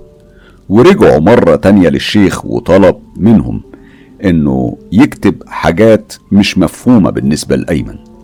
ولما أيمن سأله قال له أسكت دي أسرار الله. أنت تعملها من غير ما تسأل. الشيخ ده طلب من أيمن إنه ينام في مغارة مهجورة. لمدة أسبوع كامل. يأكل عيش شعير وزبيب وبس ويقرأ الطلاسم والتعويذ اللي هو ما فهمهاش. أيمن ما كدبش خبر. أخد أجازة أسبوع بحجة إن هو مسافر ودخل الخلوة وعمل كل حاجة الشيخ قال له عليها. فرسم الطلاسم على الأرض وبدأ يقرأ دعوة اسمها جلجوتية والبرهاتية. أسبوع كامل مر عليه من غير ما يروح ولا يغير هدومه ولا يحلق دقنه. على الأقل علشان محدش يقوله كنت فين وبتعمل إيه. لأنه كان قايل لأهله إنه مسافر تبع الشغل وقال في الشغل إنه هو مسافر مع أسرته. وعلشان كده راح الأول على رأفت صاحبه وبعدها راح لأهله. وفي أول ليلة بعد ما روح وبعد صلاة العشاء واتعشوا وشربوا الشاي وخلص قعدته مع أهله. استأذن منهم ودخل أوضته علشان ينام. وبعد ما قفل باب الأوضة عليه وحاول ينام. أول ما راح في النوم حس إن فيه حد معاه في الأوضة. نفسه ضاق عليه. وعرق مرة واحدة. صحى من النوم وهو غرقان في عرقه. راح على المطبخ علشان يشرب وعمل قهوة وقعد في البلكونة. وفضل يشرب سجاير وفضل قاعد لغاية الفجر. والده كان متعود في صلاة الفجر يصحى ويصحيه هو وأخوه علشان يروحوا سوا يصلوا الفجر في الجامع. نده عليه علشان ينزل معاهم. لكن أيمن حس إن رجليه تقيلة قوي وما قدرش يتحرك علشان ينزل معاهم للجامع. وقتها قال لهم انزلوا أنتم وأنا هحصلكم. هما فعلا مشيوا لكنه فضل قاعد بيشرب في سجاير وقهوة لحد الآذان. بعدها حس برجليه اتحررت من اللي كان فيها وقام فعلا من مكانه لكنه راح على السرير علشان ينام ونام. لغاية الساعة سبعة الصبح. بعدها قام غسل وشه ولبس وراح لشغله. وهو في الشغل اتصل برأفت صاحبه واتفقوا إنهم يتقابلوا المغربية في نفس القهوة اللي بيقعدوا عليها. وبالفعل قعدوا هناك وأيمن حكى لرأفت على كل اللي حصل معاه الليلة اللي عدت. وقتها رأفت قال له كده وكفاية يا أيمن انسى بقى الموضوع أديك جربت. ومفيش حاجة حصلت ولا جن طلع لك ولا شفت حاجة. أيمن طبعا علشان يسكته هوده وقال له ماشي خلاص أنا نسيته. تاني ليلة وبعد ما دخل أوضته علشان ينام فرد جسمه على السرير ونام فعلا بس مش كتير لأنه نام حوالي ساعة واحدة بس. وحلم بتعبان كبير عايز يهجم عليه. أيمن صرخ بأعلى ما في صوته وهنا لقى أخوه عند راسه ووالده بيقولوا له خير إن شاء الله ده حلم. وفضلوا يسموا عليه ويقروا قرآن لغاية لما رجع ونام من تاني. بعدها صحى من النوم على صوت فحيح قريب منه. بيبص حواليه لقى التعبان اللي شافه في الحلم واقف على باب الأوضة. وفاتح بقه وكان ضخم جدا. أضخم من أي تصور ممكن حد يتصوره. صرخ من تاني وأخوه ووالده جريوا عليه وسألوه في إيه؟ رد عليهم وقال لا مفيش أنا كنت بحلم بكابوس لأن لما أخوه ووالده جم عليه ما كانش فيه حاجة واقفة على الباب زي ما هو شاف. أيمن فضل صاحي لغاية الفجر والأحداث فضلت تتكرر معاه. وأول ما الشمس بعتت أول خيوط النهار للأرض اتصل برأفت صاحبه واتقابلوا وهنا طلب منه إنه يروح للشيخ تاني علشان يحكي له على الرعب اللي هو عاش فيه. لما راحوا للعطار وسألوه عن الشيخ قال لهم إنه مسافر. طبعا. كانوا واقفين مش عارفين يعملوا إيه. كانوا زي الغرقانين. والعطار قال لهم أنا ممكن أوديكم عند شيخ تاني بركة. وبالفعل أعطاهم عنوان وراحوا للشيخ الجديد واخد منهم مبلغ محترم. وقتها عطاهم حجاب وقال للأيمن حطه تحت المخدة. وفعلا عمل اللي قال عليه. بس للأسف الكوابيس زادت وبقى بيشوف ديابة وتعابين. بقى بيحس إنه هيقع من فوق جبل ويفضل يصرخ وأهله ما بقوش عارفين إيه اللي بيجراله وماله. بقوا قلقانين عليه جدا محدش عارف إيه اللي حصل. أنا بقى هقول لكم إيه بالظبط اللي حصل لأيمن. الشيخ الأولاني حط معاه جن متمرد وكان عايز يتخلص منه وأعطى طلسمه لأيمن. والشيخ التاني كان مشعوذ والحجاب كان سفلي وعطاهوله علشان يصرف الأول ويبدله ويحط معاه شيطان أو شيطانة. كان زي نوع من الخدمة لإرضاء الجن على حساب أيمن. المهم إنهم اتوصلوا لشيخ في حوالي الستين من عمره. ومن أول جلسة مع أيمن الشيخ تعب من قوة اللي عليه. والكوابيس زادت غير الصداع اللي بقى مستمر معاه وكان حاسس إن راسه هتنفجر بسببه. أيمن فضل يغيب من الشغل وتقريبا قاطع الأكل وأخلاقه اتغيرت. وأصبح بيقول ألفاظ صوقية وبيشتم الناس في الشارع. تقريبا بقى زي المجنون. بقوا يدوروا عليه يلاقوه عند سور المقابر. بيفضل يغني وكانت حالته صعبة على الآخر. استمر الحال على كده لغاية ما خسر شغله وكل حاجة. بقى يقطع هدومه وياكل اللحمة نية. والكل بقى يبعد عنه. كل الناس بقت شايفاه مجنون. هو فضل على الحال ده لغاية حد من القريبين منهم نصحهم إنهم يجيبوه على عندي.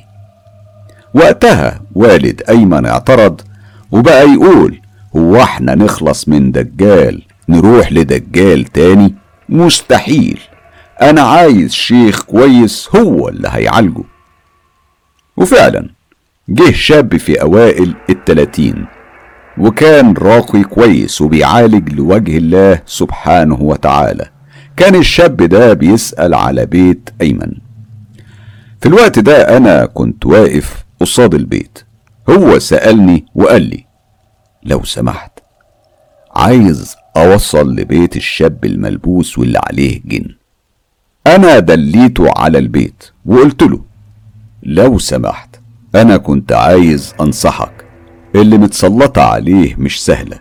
إياك من فتنتها أو غدرها. وقتها أنا نصحته بما يملي علي ضميري. وسبته وكمل مشواره. دخل الشاب وبدأ يقرأ ويقرأ لحد ما نطقت على لسانه. وبدأت تشتم وتسب وتلعن. وفي نفس الوقت فضلت تضحك. تعب الشاب وكان باين عليه التعب والإرهاق معاها استأذن بعدها وقال إنه بكرة هيكمل لأنها فعلا مش سهلة أبدا. أنا كنت واقف براقب الطريق لحد ما شفته معدي فسألته على اللي حصل معاه. هو اتكلم بصوت وكان واضح جدا عليه التعب. أنا طلبت منه إنه يرتاح وجبت له مية وقال لي وأقسم بالله إنه حس كأن في حبل على رقبته وكانت هدومه كلها عرق. وقال والله كانت معركة صعبة. وسألني هو أنت ليه بتسألني؟ وأنت مين؟ حكيت له أنا مين؟ وكنت إيه؟ وسألني تاني طيب ليه معالجتوش ضحكت وقلت له أبوه رفض مجرد ذكر اسمي حتى بعد ما تبت. أبوه مش عارف ليه. مش عايز يشوفني. أنا فعلا عايز أعالج ابنه والوقت بيجري وكل يوم بيعدي عليه بيأثر فيه وبيأخر علاجه. الشاب مشى يوميها من غير ما يرد عليا. وتاني يوم الشاب ده جه وطلب من والد أيمن إنه يجيبني علشان نلحق ابنه قبل ما يموت أو يتجنن رسمي. أبو أيمن رفض لكن الشاب فضل يحاول معاه لحد ما وافق بالعافية وبشرط إنه يكون بره البيت علشان ما يشوفنيش. أنا فعلا رحت البيت بعد ما مشى وطلبت من الكل إنهم يمشوا ما عدا الشاب الراقي اللي فضل معايا. وبدأت القراءة لحد ما نطقت وبدأت أسألها ليه وإزاي وأمرتها إنها تسيبه وتسلم لله سبحانه وتعالى لكنها رفضت. سألتها طيب أنت تعرفيني؟ سكتت وقالت سيبني أنا مربوطة بسحر من الساحر والعطار صاحبه. أنا رديت عليها وقلت لها تمام أنت اطلعي وأنا هتصرف والأحسن إنك تخرجي وإلا أنت عارفة أنا أقدر أعمل إيه. سيبيه واديني العهد. والحمد لله هي خرجت منه واتأكدت إنها خرجت بعد ساعة وأنا بقول الحمد لله على سلامته. كان والد أيمن بيراقبني لحد ما خرجت من البيت. وقال لي أنا ابني إزاي كان فيه شيطانة وأنت قدرت عليها؟ أنا ضحكت وقلت له أنت ليه واخد مني موقف؟ أنا بقيت إنسان تاني واتغيرت. أنا اتغيرت فعلا. روح لابنك وخلي بالك منه. أهلا بيك أستاذ حسام. كل الاحترام والتقدير والتحية ليك على مجهودك اللي بتبذله علشان توضح للناس مدى خطورة الوضع وإنك تفهمهم إن الدخول العالم ده ما فيهوش غير الخسارة. لا مش له لوحده ده ممكن لأهله كمان. كمان أي حد ممكن يكون قريب منه. هي رسالة صغيرة أنا حابب إنك توصلها للناس. مفيش جن مسلم ممكن يتحضر واللي بيجي منهم بيكون الفاسق والكافر بس. مفيش حاجة هتنفعك غير قربك لله عز وجل. دلوقتي هبدأ أحكي قصتي اللي عشتها بكل لحظة سحر الريح الأحمر. وتحضير ميمون الأسود. وسيدهم ميمون أبا نوخ. في الأول أنا حضرته بكل قوة واحد من أقوى الأسياد. أنا سامع حد بيقول مين ده؟ هقول لكم بس انتبهوا كويس علشان تعرفوا أنا حضرت مين وإزاي وإيه اللي عملته علشان يحضر. أنا جبت خروف أسود ودخلت بيه الحمام وذبحته. من غير طبعا ذكر اسم الله وكتبت الطلاسم على الحيطان وبدأت أقول العزيمة الشركسية بقوة ولطخت الحمام بدم الخروف وقفلت عليه الحمام لمدة تلات أيام. بعد المدة دي أنا فتحت الحمام وكانت راس الخروف بس هي اللي موجودة. بدأت أشتغل وحضرت بخور ريحته وحشة قوي. ورسمت دايرة كبيرة ونجمة خماسية وبعدها كتبت الطلاسم. حطيت راس الخروف في النص وبدأت أتطوح شمال ويمين. كنت بقول التعويذة والاستعانة بيه من غير الله سبحانه وتعالى. وبعد نص ساعة حضر. كان حضوره صعب جدا. درجة الحرارة بقت عالية والجو بقى سخن قوي. الريحة النتنة ملت المكان وسمعت صوت زمجرة قوية ووش من أقبح ما خلق ربنا. اداني كاس فيه دم وقال لي اشرب. قالها بصوت جهوري كان يوقف قلب أي إنسان من الخوف وكان هو ده العهد. العهد الدم. طبعا أنا شربت وهو كمان شرب منه. ده كان ميمون الأسود وأمر اتنين من الجن السفلي يكونوا خدامي وكانوا من أشد الخدام قوة وشرك. أنا عملت شغل كبير وعلى أعلى مستوى لحد ما جاني واحد وطلب مني سحر العيلة كاملة. أنا حضرت الخدام اللي معايا وقالوا ما نقدرش على ده حضر سيدنا أحسن. وفعلا أنا حضرته وعملت الشغل بكل ثقة ودمرت عيلة كاملة. بدأت أحلامي تزيد وتزيد لحد ما حضرت ميمون أبا نوخ. كل اللي يعرفوني من السحرة وحتى الجن نفسه حذروني من خطورة تحضيره. بس أنا ما كانش يهمني غير إني أكبر كمان وكمان في شغلي ويبقى اسمي من أهم أسماء عالم السحر. أنا ضربت بكلامهم عرض الحائط. تخيل أستاذ حسام إن الشياطين حذرتني. أنا المهم يعني حضرته في أخطر منطقة في الأردن منطقة اسمها بطن الغول في مدينة معان. وحضر وكان حضوره فعلا صعب جدا. كان لازم تقول القسم وبسرعة ولو اتأخرت كان هيبقى الموت جزائي. وبكل سهولة. الملك ده من أشد وأشرس الملوك الأرضية مع الملك الأحمر. أنا سجدت له وقدمت له أحسن القرابين ومجدته وسخر ليا كمان أربعة من الميامنة الطيارين والأرضيين. زاد صيتي وزادت قوتي أكتر من الأول. كل يوم كان بيجيلي وكل يوم كان فيه شغل إيذاء وربط ورصد وربط على الكواكب. كنت بحضره بس للأعمال الكبيرة والتحضير زي ما قلت قبل كده. لازم يكون على نجاسة وكفر. لازم كمان يكون كفر بين. أنا مش عايز أقول أكتر من كده. مين فيكم دلوقتي يقول وهو في أكتر من كده؟ أرد عليه وأقول له آه في. وأكتر بكتير مما ممكن تتخيل. أنا زادت فلوسي ونفوذي وسطوتي.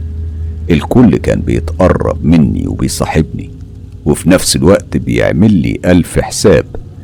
الكل بقى عايز يتعلم مني. وقتها أنا كنت أسعد الناس. أي حاجة أحتاجها كانت لازم تجيني وإلا تكون العواقب وخيمة.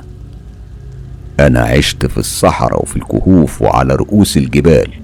طبعا الجبال مشهورة بأنها أقرب الأماكن للجان وأكتر الأماكن المناسبة للتواصل مع الجن وإن الجن بيحبوا جدا التواجد في المناطق الجبلية. وده كان طلبهم وأنا استجبت. عرفت حاجات كتير وتعلمت كل حاجة.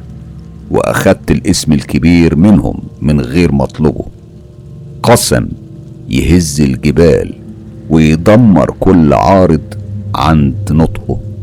طبعا استغربت إزاي عطوني الاسم وليه. سمعت صوت اتردد على وداني بيقول أنت منا وعهدك صادق. الاسم الكبير مفيش حد يعرفه غيرك. كانت في قعدة متفق عليها.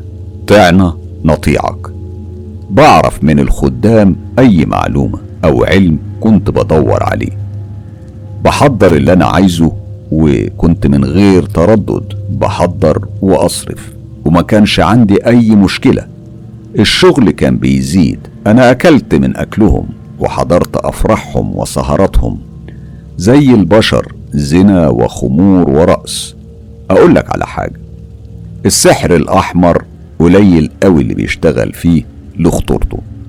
وتحضير الخادم في المقبرة وكتابة الطلاسم على الموتى. وبيتدفن وهو سريع الإجابة في ساعتها. تخيل بقى قوته وصلابته. حياة الضلمة هي اللي كانت أحب حاجة ليا أحب أعيش فيها. أنا كنت بكره النور. كنت أحب القعدة في الضلمة وأستخدم بخور ريحته وحشة للشر والريحة الحلوة للفك. كنت دايما قاعد في شقتي اللي كنت خصصتها للأعمال والسحر وكنت عايش حياتي بالطول والعرض وما كانش فيه أي حاجة بتهمني غير جمع الفلوس وبس. خدامي دايما حواليا ودايما يجيبولي أخبار كل الناس اللي حواليا. ده بيحبك علشان سطوتك وده بيحبك علشان فلوسك. ودايما بعرف أخبار أي حد جاي لي علشان سحر جاي ليه وعايز إيه من قبل حتى ما أقعد معاه. تصدقني لو قلتلك إني كنت ببعدهم عني زي ما بتبعد أولاد صغيرين عنك. كانوا بيغيبوا ويرجعوا من تاني. صداع ما كنتش بقدر أهرب منه ابدا مهما عملت. نرجع تاني للريح الأحمر وخطورته بالتفصيل. سحر الريح الأحمر بيسبب وجع بيصيب الركب والمفاصل ودي من أخطر العوارض النفسية. أستاذ حسام والله الذي لا إله إلا هو كل قليله من السحره اللي بيعرفوا يمارسوا السحر ده من خطورته على الساحر والمسحور. والساحر لو ما كانش متمكن منه كويس قوي يبقى راح في شربة مية. أنا مش بتفاخر إني من الصفوة ولكني بس حبيت أوضح للناس قدرته. السحر ده خطير جدا وفي حاجات ممكن تصيب الناس من الساحر زي المراية وكترة المكياج قصادها. وبرضه اللي مش تبقى طهرة وكتير الوسوسة وده أقوى وأعنف العوارض النفسية حتى إنه بيأثر على الضحية في خلال ساعة واحدة. ومن أعراضه كمان إنه بيثير الشخص وبيخليه شبه مجنون.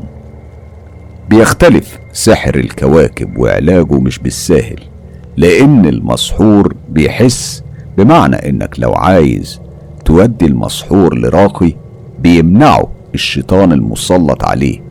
ويبقى عنيد وقوة الجني الموكل بده مش سهلة أبدا. ولو حصل والمسحور راح للراقي بيتعب جدا مع المسحور وما بيعرفش يعمل إيه معاه يرجع بعد الملل اللي بيصيب الراقي من كتر ما بيقرأ ومفيش فايدة. هو سحر خطير من الدرجة الأولى. اشتغلت فيه للمرض بس. وكان لشخصين أصحاب تسبب بآلام في المفاصل ورفضهم للجواز رفض تام. أنا بعد توبتي الحمد لله قدرت إني أعالجهم والحمد لله خفوا. تخيل أستاذ حسام معايا لحظة دخولي عالمهم بكل ثقة وقوة. أنا عملت كل المطلوب وكانت روحانياتي قوية جدا. أحكم وأرسم زي ما أنا عايز. أرسم الطلاسم في كل مكان وأقول التعاويذ بكل قوة وبطش. كنت متمرد زي الشيطان ويا ويله اللي يعصاني. كنت أهدد وأتوعد وكأني أنا الملك عليهم زي ميمون. زاد كفري وتمردي ودي كانت بداية سطوتي. عمر ما شعرة في راسي اتحركت. كان كل همي الفلوس وبس. اسمعوني أنا في لحظة لما أكون لوحدي كنت بلتزم بورد خاص ملوش أي علاقة بأي حاجة بس لتقوية روحانياتي والله كان الورد ده من أعظم المصائب. من فترة كنت قابلت شخصين وفضلوا معايا بحجة إنهم عايزين يتعلموا. هما صرحوني بإنهم روحانيين. قلت حاجة واحدة بس. لا انت ولا اي خادم من خدامك يقدر يعمل اي حاجة وأنا اتحدى اي حد منهم.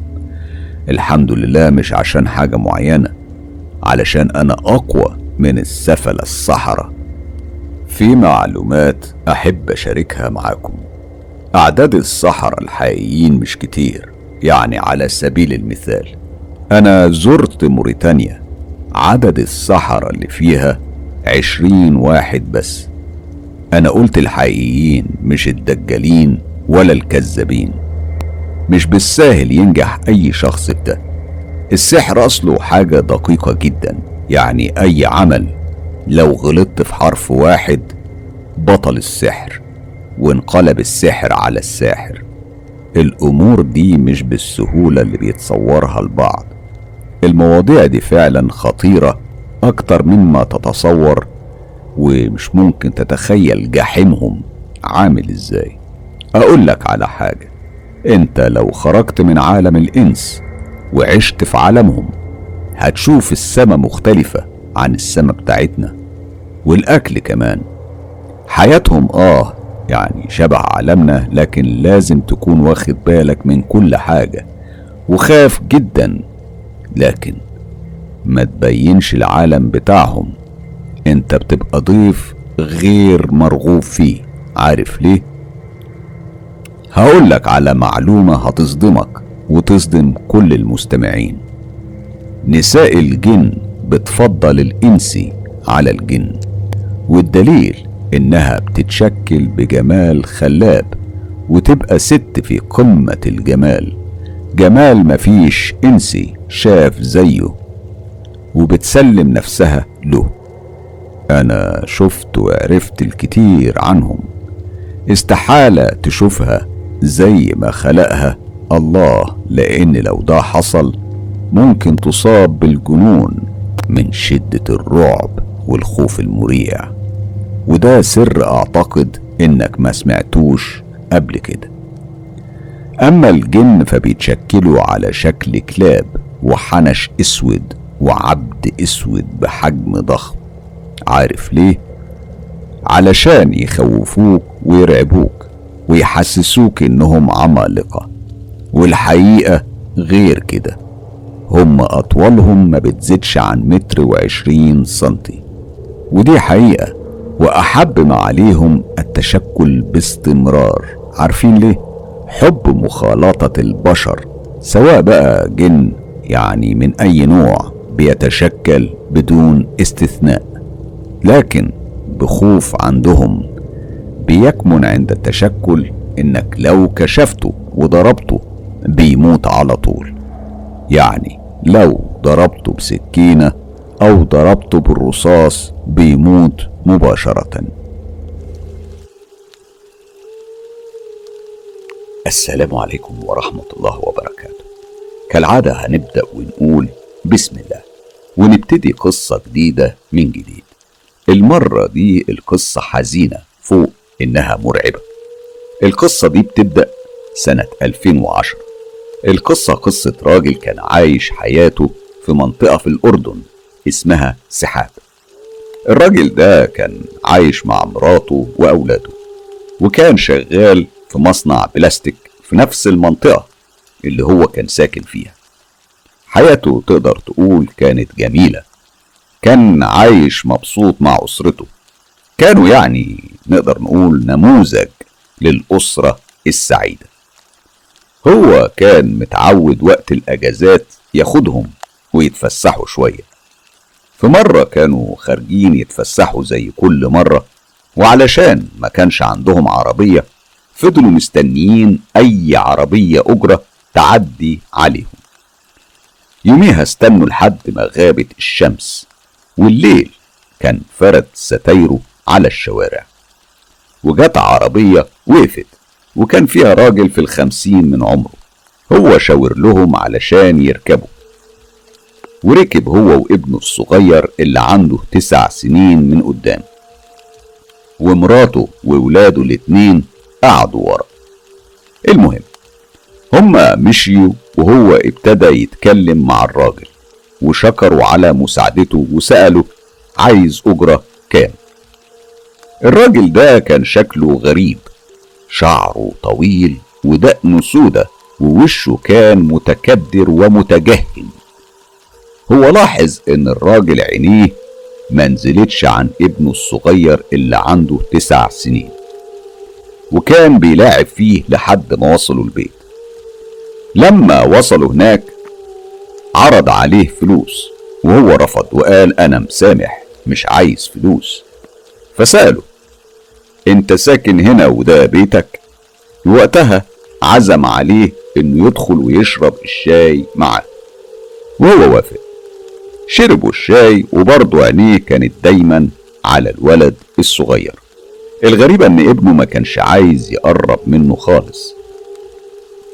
وفضل يعيط وهو فضل ينادي على الولد الصغير وابنه زي ما يكون بيتخض منه. الكل وقتها استغرب من اللي بيحصل ومراته ما كانتش مرتاحة للراجل ده. بعدها استأذن ومشى وطلب منه رقم موبايله قبل ما يمشي. هو فعلا عطاله الرقم وبعد يومين لقاه بيتصل بيه وطلب منه إنه يشوفه. وفعلا اتقابلوا وعرض عليه حاجة غريبة قوي مقابل مبلغ كويس. عارف طلب منه إيه؟ طلب منه ابنه الصغير. أيوه ما تستغربش. طلب منه ابنه يشتغل معاه في الكشف عن الذهب. لأن الراجل ده طلع شيخ روحاني. وفضل يطمنه ويقول له مفيش أي حاجة هتحصل له. أما الأغرب إنه طلب منه فرصة يفكر في عرضه. بصراحة أنا اللي استغربت إنه طلب منه يديله وقت يفكر. أنا سألت نفسي ليه ما رفضش على طول لكن الواضح إن الفلوس ممكن تخلي الواحد يعيد تفكيره في حاجات كتير. بعد ما روح قال لمراته على اللي حصل بينهم. ومراته رفضت وخافت وقالت له أنت عايز إيه منه؟ أنا مرتحتش للراجل ده. على فكرة أستاذ حسام دي طريقتهم لاستخراج الكنوز طريقة المندل مش لأنه زوهري زي ما بيقولوا وكمان مفيش حاجة أصلا اسمها زوهري. أنا بأكد لك الكلام ده. اللي بيعملوه إنهم بيجيبوا أطفال لسه ما وصلتش لسن البلوغ. علشان يقوم الساحر بتلبيس الطفل ده بالجن ويؤمر الطفل يسأل الجن عن الذهب. هي طريقة قذرة ومرعبة. المهم يعني نرجع لقصتنا. مراته رفضت رفض قاطع وتام وكان واضح إن هو كان محتاج للمبلغ اللي عرضه عليها لأنه كان هيفك بيئتهم المالية. اللي حصل بعد كده كان من أصعب وأبشع الأمور اللي ممكن تحصل لأي شخص. فما بالك بطفل عنده تسع سنين. في يوم مراته كانت في السوق وهو اخد ابنه الصغير وراح اتقابل مع الشيخ. وفعلا حصل وحضر المندل على ابنه. فحط طشت فيه مية ونقط من زيت معين مش هقول اسمه. وغطى الولد بملاية حمرة وفضل يقرأ كلمات وحاجات أنا برضو مش هوضحها. وبعد ساعة كان الشيخ غرقان في العرق وابتسم وعطاله المبلغ. الراجل ده روح على بيته وسدد ديونه وفضل معاه فلوس كمان لكن بالليل حصلت حاجة غريبة. ابنه كان قاعد في زاوية البيت وعمال يعيط شوية ويضحك شوية. عينيه كانت حمرة والحاجات دي فضلت تتكرر معاه أكتر من مرة. أكله ضعف عن الأول كتير قوي وما كانش بينام بالليل بس بالنهار كان بينام.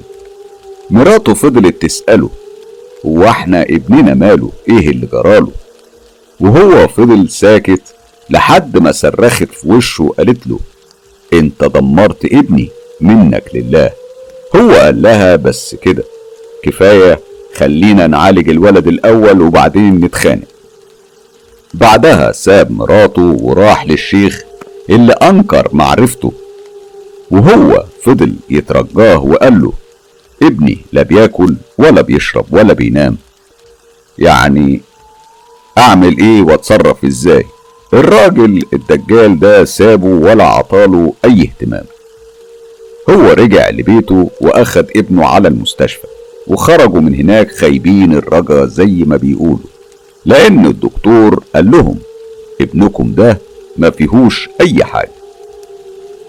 هم ودوا الولد لأكتر من طبيب وهو هو نفس الرد ابنكم ما فيهوش أي حاجة. حال البيت اتشقلب. بقى كله حزن على الولد وحال الولد نفسه أصبح بيسوء يوم بعد يوم. بقوا بينقطوا المية في بقه والأكل ما كانش تقريبا بيقرب له. هم احتاروا يعملوا إيه مش عارفين. الراجل فضل يلوم نفسه على اللي عمله في ابنه وانه هو كان السبب في اللي جراله وفضل يصرخ في قلب البيت. إيه اللي أنا عملته ده؟ إزاي أضيع ابني بالشكل ده؟ البيت طبعا بقى جحيم للكل. ما بقوش عارفين يروحوا فين أو يعملوا إيه. وقتها راح لبيت أهل مراته.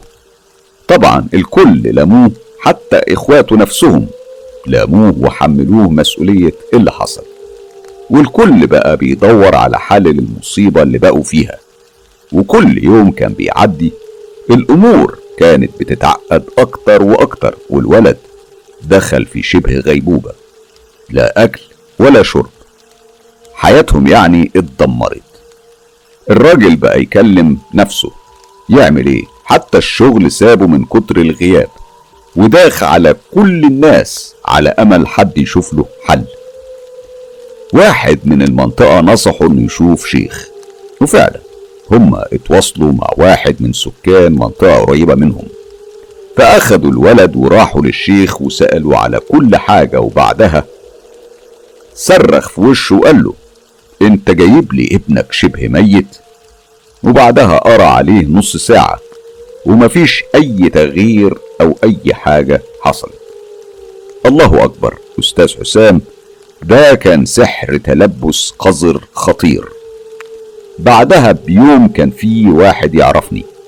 شاور عليه إنه ياخد ابنه ويجيبهولي. وفعلا لما وصلوا لي الولد كان بيحتضر. كان عبارة عن جثة مش أكتر. سبتهم ودخلت أوضة تانية وحضرت اللي معايا. سألت عن حال الولد وكان طبيب من الجن الصوفي. سألته هل فيه علاج؟ ما ردش وبعد خمس دقايق حضر ومعاه عشبة اسمها عشبة الحية.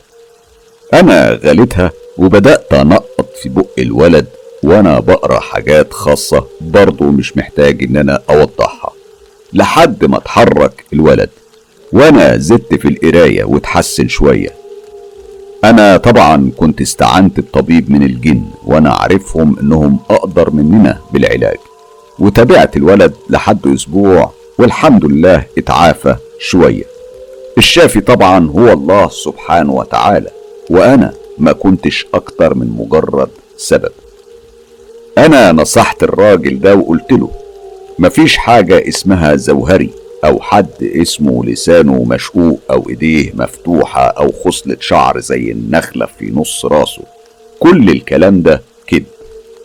أنا أعلم بكل الحاجات دي.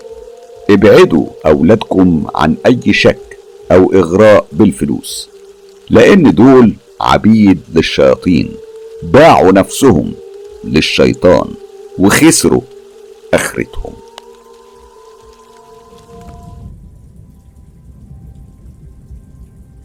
بسم الله. نبدأ قصتنا الغريبة والشائكة اللي حصلت بالفعل مع السحر الأسود. الحقد والغل مدخل وباب كبير للشيطان علشان يدخل منه. لا وكمان بيستعرض قوته من خلالهم.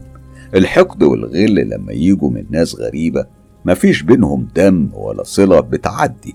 لكن لما الحقد الأسود والغيرة اللي بتعمل قلوب وبتخلي صاحبها يعمل أقبح وأسوأ حاجة ممكن أي عقل يتخيله وكأنه انتقام.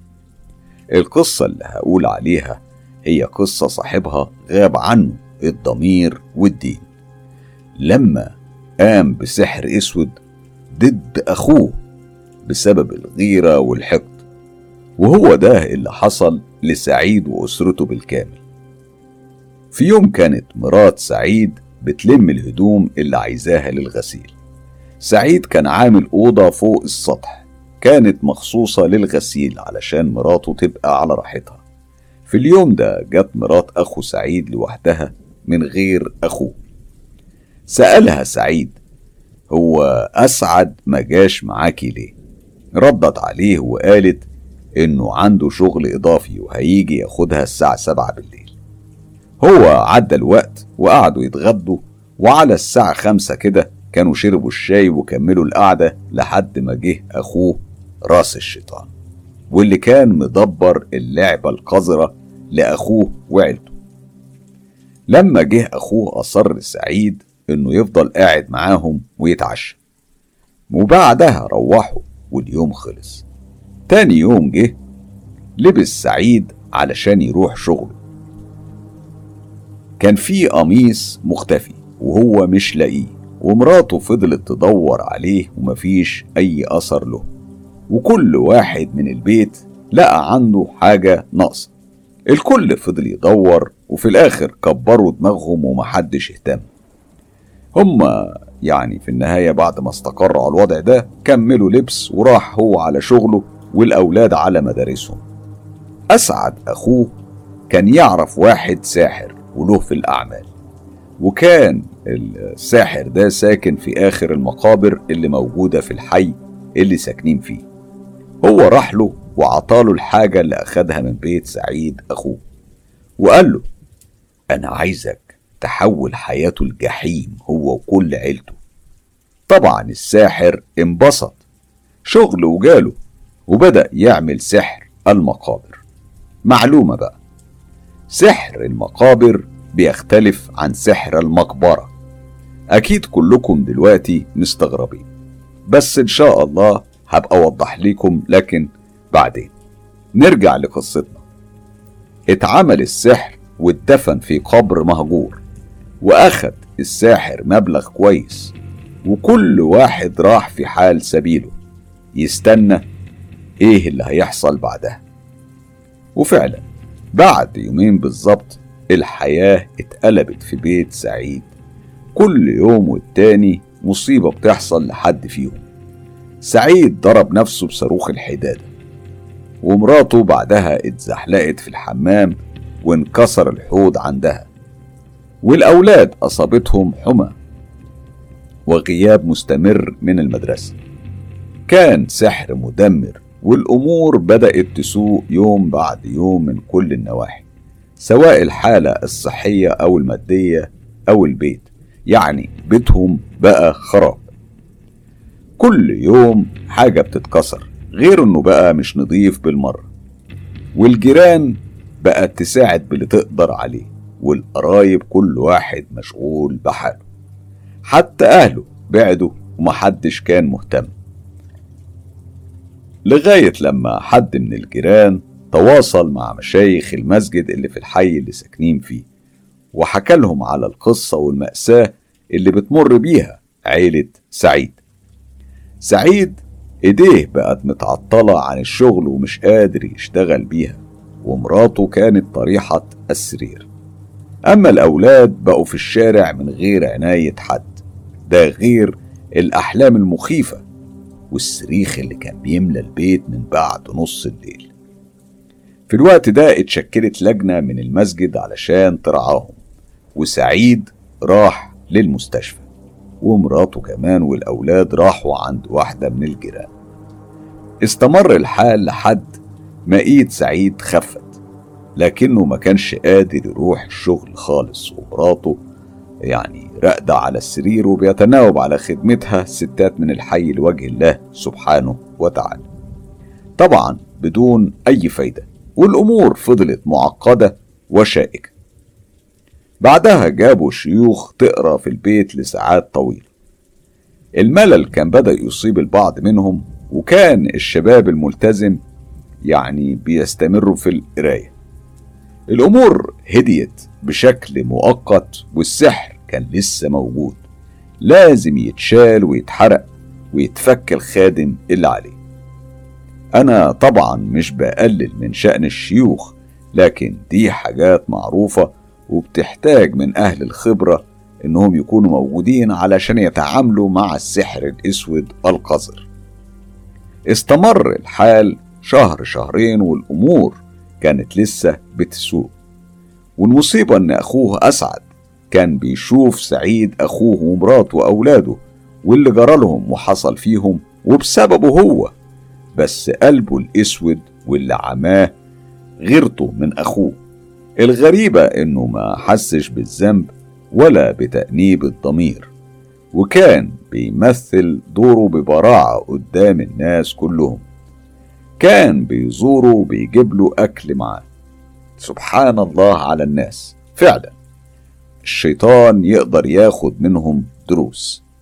الجيران كانوا فعلا متأثرين على آه، اللي حصل لسعيد وعيلته لأن سعيد كان ونعم الجار الطيب وكان بيساعد وبيشارك الناس في أفراحهم وأحزانهم. علاقته كانت ممتازة بجيرانه لكن الطمع والحقد والحسد موتوا قلب أخوه أسعد وخلاه يدمر أخوه وعيلته كلها. من غير رأفة ولا حتى يعني رفله رمش من عينيه أو حتى ظهرت عنده أي نية للتراجع. في يوم واحد من أصحاب الورش كان صديق لسعيد واتدخل بقوة وقال إنه هيتكفل بعلاجه. هو كان يعرفني واتصل بيا وطلب مقابلتي وألح عليا كتير. أنا بالفعل وافقت وحددت معاه ميعاد وجالي. أنا كنت بعرفه بحكم شغلي لأنه اشتغل ليا شغل في المزرعة تركيب أبواب وشباك للحماية. المهم يعني إنها كانت نقطة بقت بيني وبينه. هو حكالي قصة سعيد من الألف إلى الياء وطلب مني إن أنا أعالجه وبأي تمن. أنا وافقت لكن بشروطي وإني هروح وهفضح اللي عمل كل المصايب اللي حصلت مع سعيد وعيلته. حددت الميعاد ورحنا لبيت سعيد وطلبت من صاحبه انه ما, يدخ... ما يدخلش حد عليا وأنا بشتغل. وابتديت الشغل والامور ما كانتش سهلة بالنسبة لي. أنا حضرت اللي معايا وهم بدأوا في الشغل. بعد ما حضرتهم اول حاجة سألت عن السحر موجود فين. وعرفت منهم وحصل وجبت السحر وفكيت الجن المتسلط عليه بالسحر وضميته معايا. دي هي طريقة علاج السحر بالسحر. بتستولي على الخادم ولو رفض تحرقه. الأمور مشيت وبقت سهلة معايا. وسألته مين اللي عمل السحر قال لي أخوه أسعد ومراته من هدومهم. وقال لي على اليوم والساعة بتاعة فتح السحر. وفتحت السحر بعد ما حررت الشيطان اللي عليه وهددته بالحرق لو ما سمعش كلامي وهو قطعني. وانفك السحر وحكيت لسعيد على كل حاجة حصلت من أخوه. أسعد ومراته. رجعت أمور العيلة تتحسن أكتر وأكتر. وطلب مني صاحب سعيد إن أنا أنتقم من الساحر وعرض عليا مبلغ مش بطال. وفعلا أنا عقدت لسانه لغاية يومنا هذا وحررت أربع شياطين معاه. الغيرة والحقد بتسود القلوب وبياكلوا فيه واللي حصل بعدها إن أسعد اتشل ومراته اتجننت. وأمور سعيد اتحسنت ورجع شغله وبيته بمساعدة أصحابه. والحمد لله وحسبنا الله ونعم الوكيل في كل موزي دلوقتي بقى أكلمكم عن الفرق ما بين سحر المقابر وسحر المقبرة. في تشابه بين الاتنين بس فيه اختلاف موجود حسب قوة الساحر سحر المقابر بيدفن فيه العمل وبعدها بيتم تحضير الخادم الموكل بالسحر وطريقة تحضيره في بيت الساحر. بيعقد العمل بنفس الهدوم أما الأقذر فهو السحر المقبرة بنفس المقبرة وعلى ميت جديد. بيدخل المقبرة ويحضر شيطان المقبرة ويعقد العمل وبعدين بيدخله جوه الكفن ويخيط عليه. بصوا هي كلها أعمال خطيرة ومن الممكن إنها تدمر المسحور لو ما تعالجش منها. القصة المرة دي من أخطر ما يكون. القصة عن زياد. زياد ده شاب في 30 من عمره موظف في مكتبة من مكتبات عمان الكبيرة. كان بيشتغل من الساعة 7 الصبح لحد الساعة 3 ونص العصر وكان عايش مع أهله في شقة صغيرة. أبوه كان على المعاش وعنده ثلاث إخوات. زياد كان له برنامج يومي كان عبارة عن الآتي. كان بيصحى من صلاة الفجر ينزل يصلي في الجامع. وبعدها بيروح لملعب قريب من بيته بيجري شوية يمارس رياضة يعني ويرجع البيت ياخد دش ويفطر وبعد كده يروح على شغله. أما عن اهتمامات زياد فكانت كتيرة وعلاقته بالكتب والقراية كانت قوية جدا. هو كان شخص اجتماعي ولبق في الكلام. فضل على الحال ده لغاية ما جاله شخص من المغرب. والشخص ده كان عايش في الأردن وبيشتغل في فندق شعبي في عمان. الشخص ده عرض على زياد كتاب. والكتاب كتاب قديم قوي. كان فيه جزء مكتوب بخط الإيد والباقي طباعة قديمة. طبعا آفة كل إنسان الفضول. الفضول أخد زياد وفضل يقرأ في الكتاب من غير ما يسيب حرف واحد منه. قرر وقتها إنه ياخد الكتاب معاه البيت. وبالفعل روح واتغدى ونام. صحى من نومه وصلى المغرب وبعدها العشاء وبعدين قعد مع أهله شوية المهم ان هو يعني كمل يومه بالروتين العادي بتاعه. تقريبا على الساعة 11 بالليل. دخن سيجارته مع القهوة بتاعته وفضل قاعد في أوضته ماسك الكتاب وبص عليه. وهنا لاحظ الاسم اللي مكتوب على الكتاب. الاسم كان اسم غريب. لأن كان مكتوب العذيف كتاب الشيطان. طبعا الموضوع شده وخلاه يقرأ وفضل هو طول الليل مع الكتاب بيقرأ فيه. ما كانش فيه حد بيقاطعه قاعد لوحده في الأوضة وبيقرأ في الكتاب ومندمج تماما. هنا زياد لاحظ وهو بيقرأ إن فيه استعانة بأرواح وكمان كان فيه اسم لفت انتباهه وكان الاسم واضح وتحته في خطوط. وبعديه كان فيه كلمات وأرقام. الاسم كان قياد الرقم اللي تحته كان ثلاثة وكان فيه كلمات وأسامي تانية. طبعا هو زورني أستاذ حسام مش هقدر أقول عليها خوفا من إن أي حد ممكن يجربها.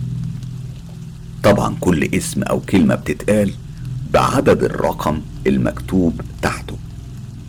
زياد فضل يقرأ في الكتاب لغاية لما الساعة بقت واحدة بعد نص الليل. وبعدها قفل الكتاب ودخل نام. كالعادة صحى في الميعاد بتاعه وابتدى يومه برنامجه العادي.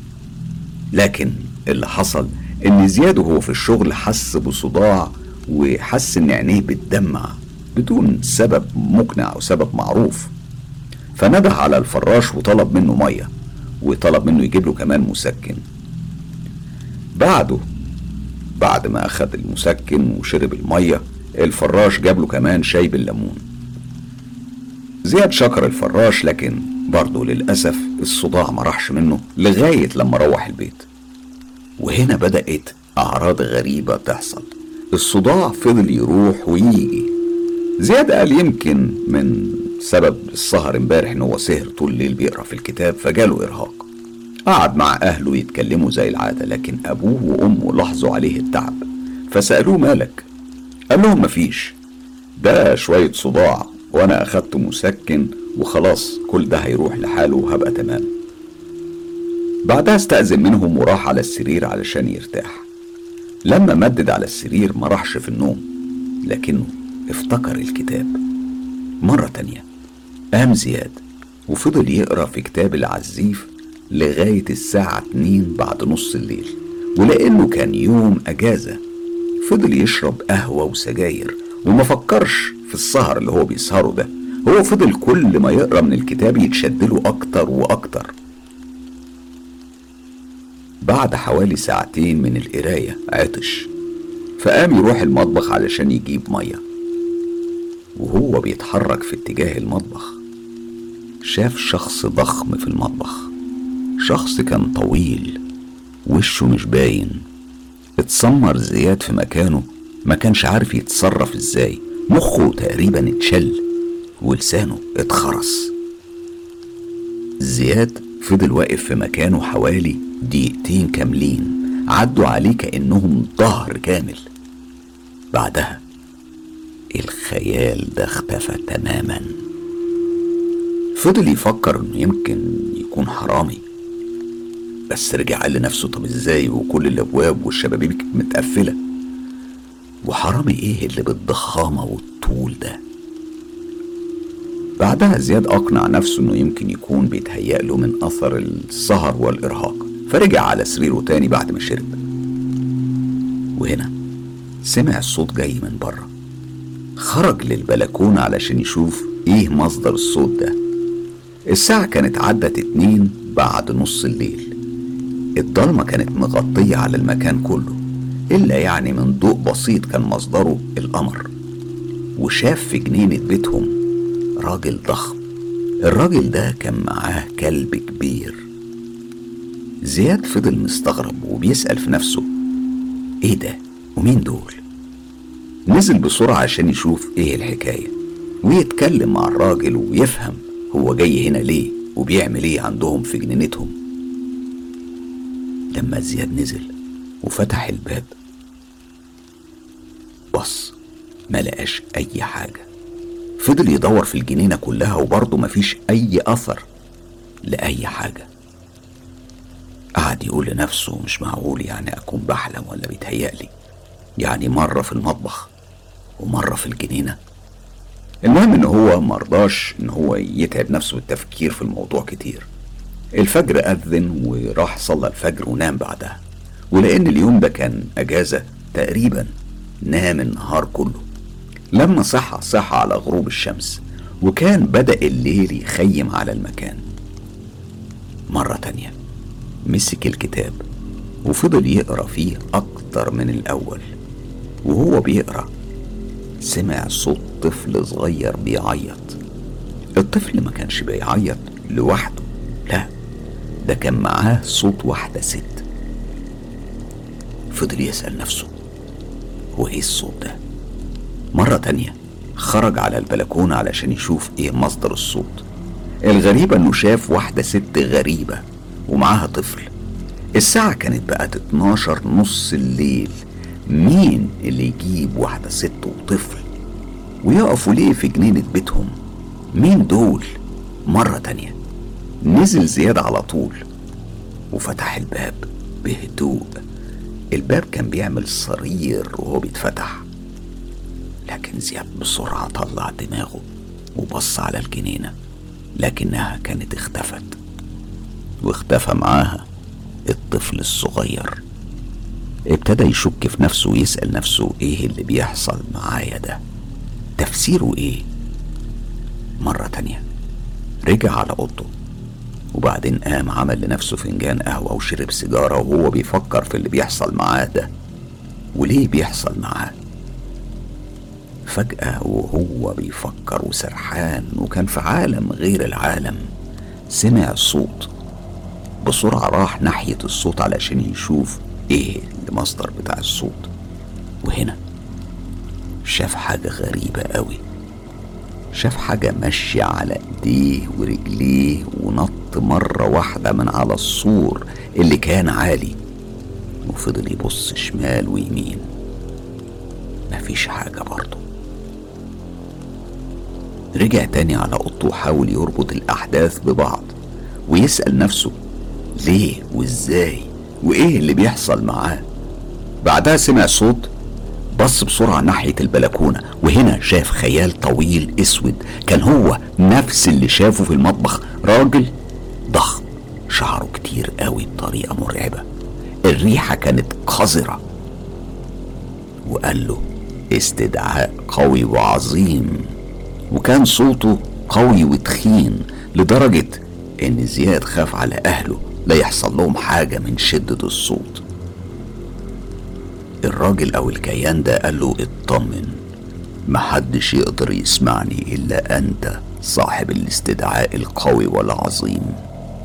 طبعا زياد اترعب وفضل يسأله "إ- إ- أنت مين؟ وعايز إيه؟ رد عليه الكيان وقال له أنت طلبتني ونادتني طبعا زياد ما قدرش يستوعب اللي بيقوله الكيان ده في وقتها. وقال له أنا أنا أنا ما طلبتكش هطلبك إزاي يعني؟ قال له من الكتاب. ابتدى زياد يركز ويستوعب المصيبة اللي هو عملها. وقال له هو أنت اللي اسمك مكتوب في الكتاب؟ هز راسه الكيان بمعنى أيوه. وقال له بكل فخر واعتزاز أنا قياد الخطاف. زياد بيوصف وبيحلف. يا أستاذ حسام قد إيه كان مارد مرعب ومخيف. وبعدين سأله زياد طب طب أنت عايز مني إيه؟ رد عليه المارد أنت اللي عايز مش أنا. بعدها على طول أذن أذان الفجر واختفى المارد. زياد فضل صاحي بيفكر في المصيبة اللي هو حط نفسه فيها.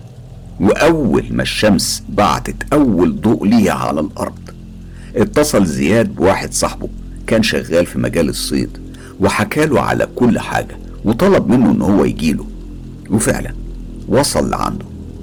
واتفقوا يشوفوا شيخ يحل المشكلة دي وبالفعل قدروا يتواصلوا في الأول مع شيخ روحاني. الشيخ جالهم البيت وطلب منهم إنهم يطلعوا بره البيت وبالفعل الكل خرج وفضلوا مستنيينه. فجأة بدأوا يسمعوا أصوات صريخ وخبط ورزع وهنا لقوا الشيخ طالع من البيت بيجري. زياد سأله بسرعة في إيه يا عم الشيخ؟ قال له لا لا يا عم إيه اللي عندك ده؟ ده مصيبة أنا مش هقدر عليه. سابهم الشيخ وهرب وساب الكل في حالة ذهول ممزوج بخوف ورعب. وقفوا عاجزين مش عارفين يتصرفوا إزاي. لكن بعدها قدروا يتواصلوا مع راجل في أواخر الستينات من عمره. كان اسمه الشيخ إبراهيم. والشيخ إبراهيم ده راجل صالح بيخاف ربنا وكان من أصدقائي المقربين. هم راحوا له وحكوا له على كل اللي حصل في البيت.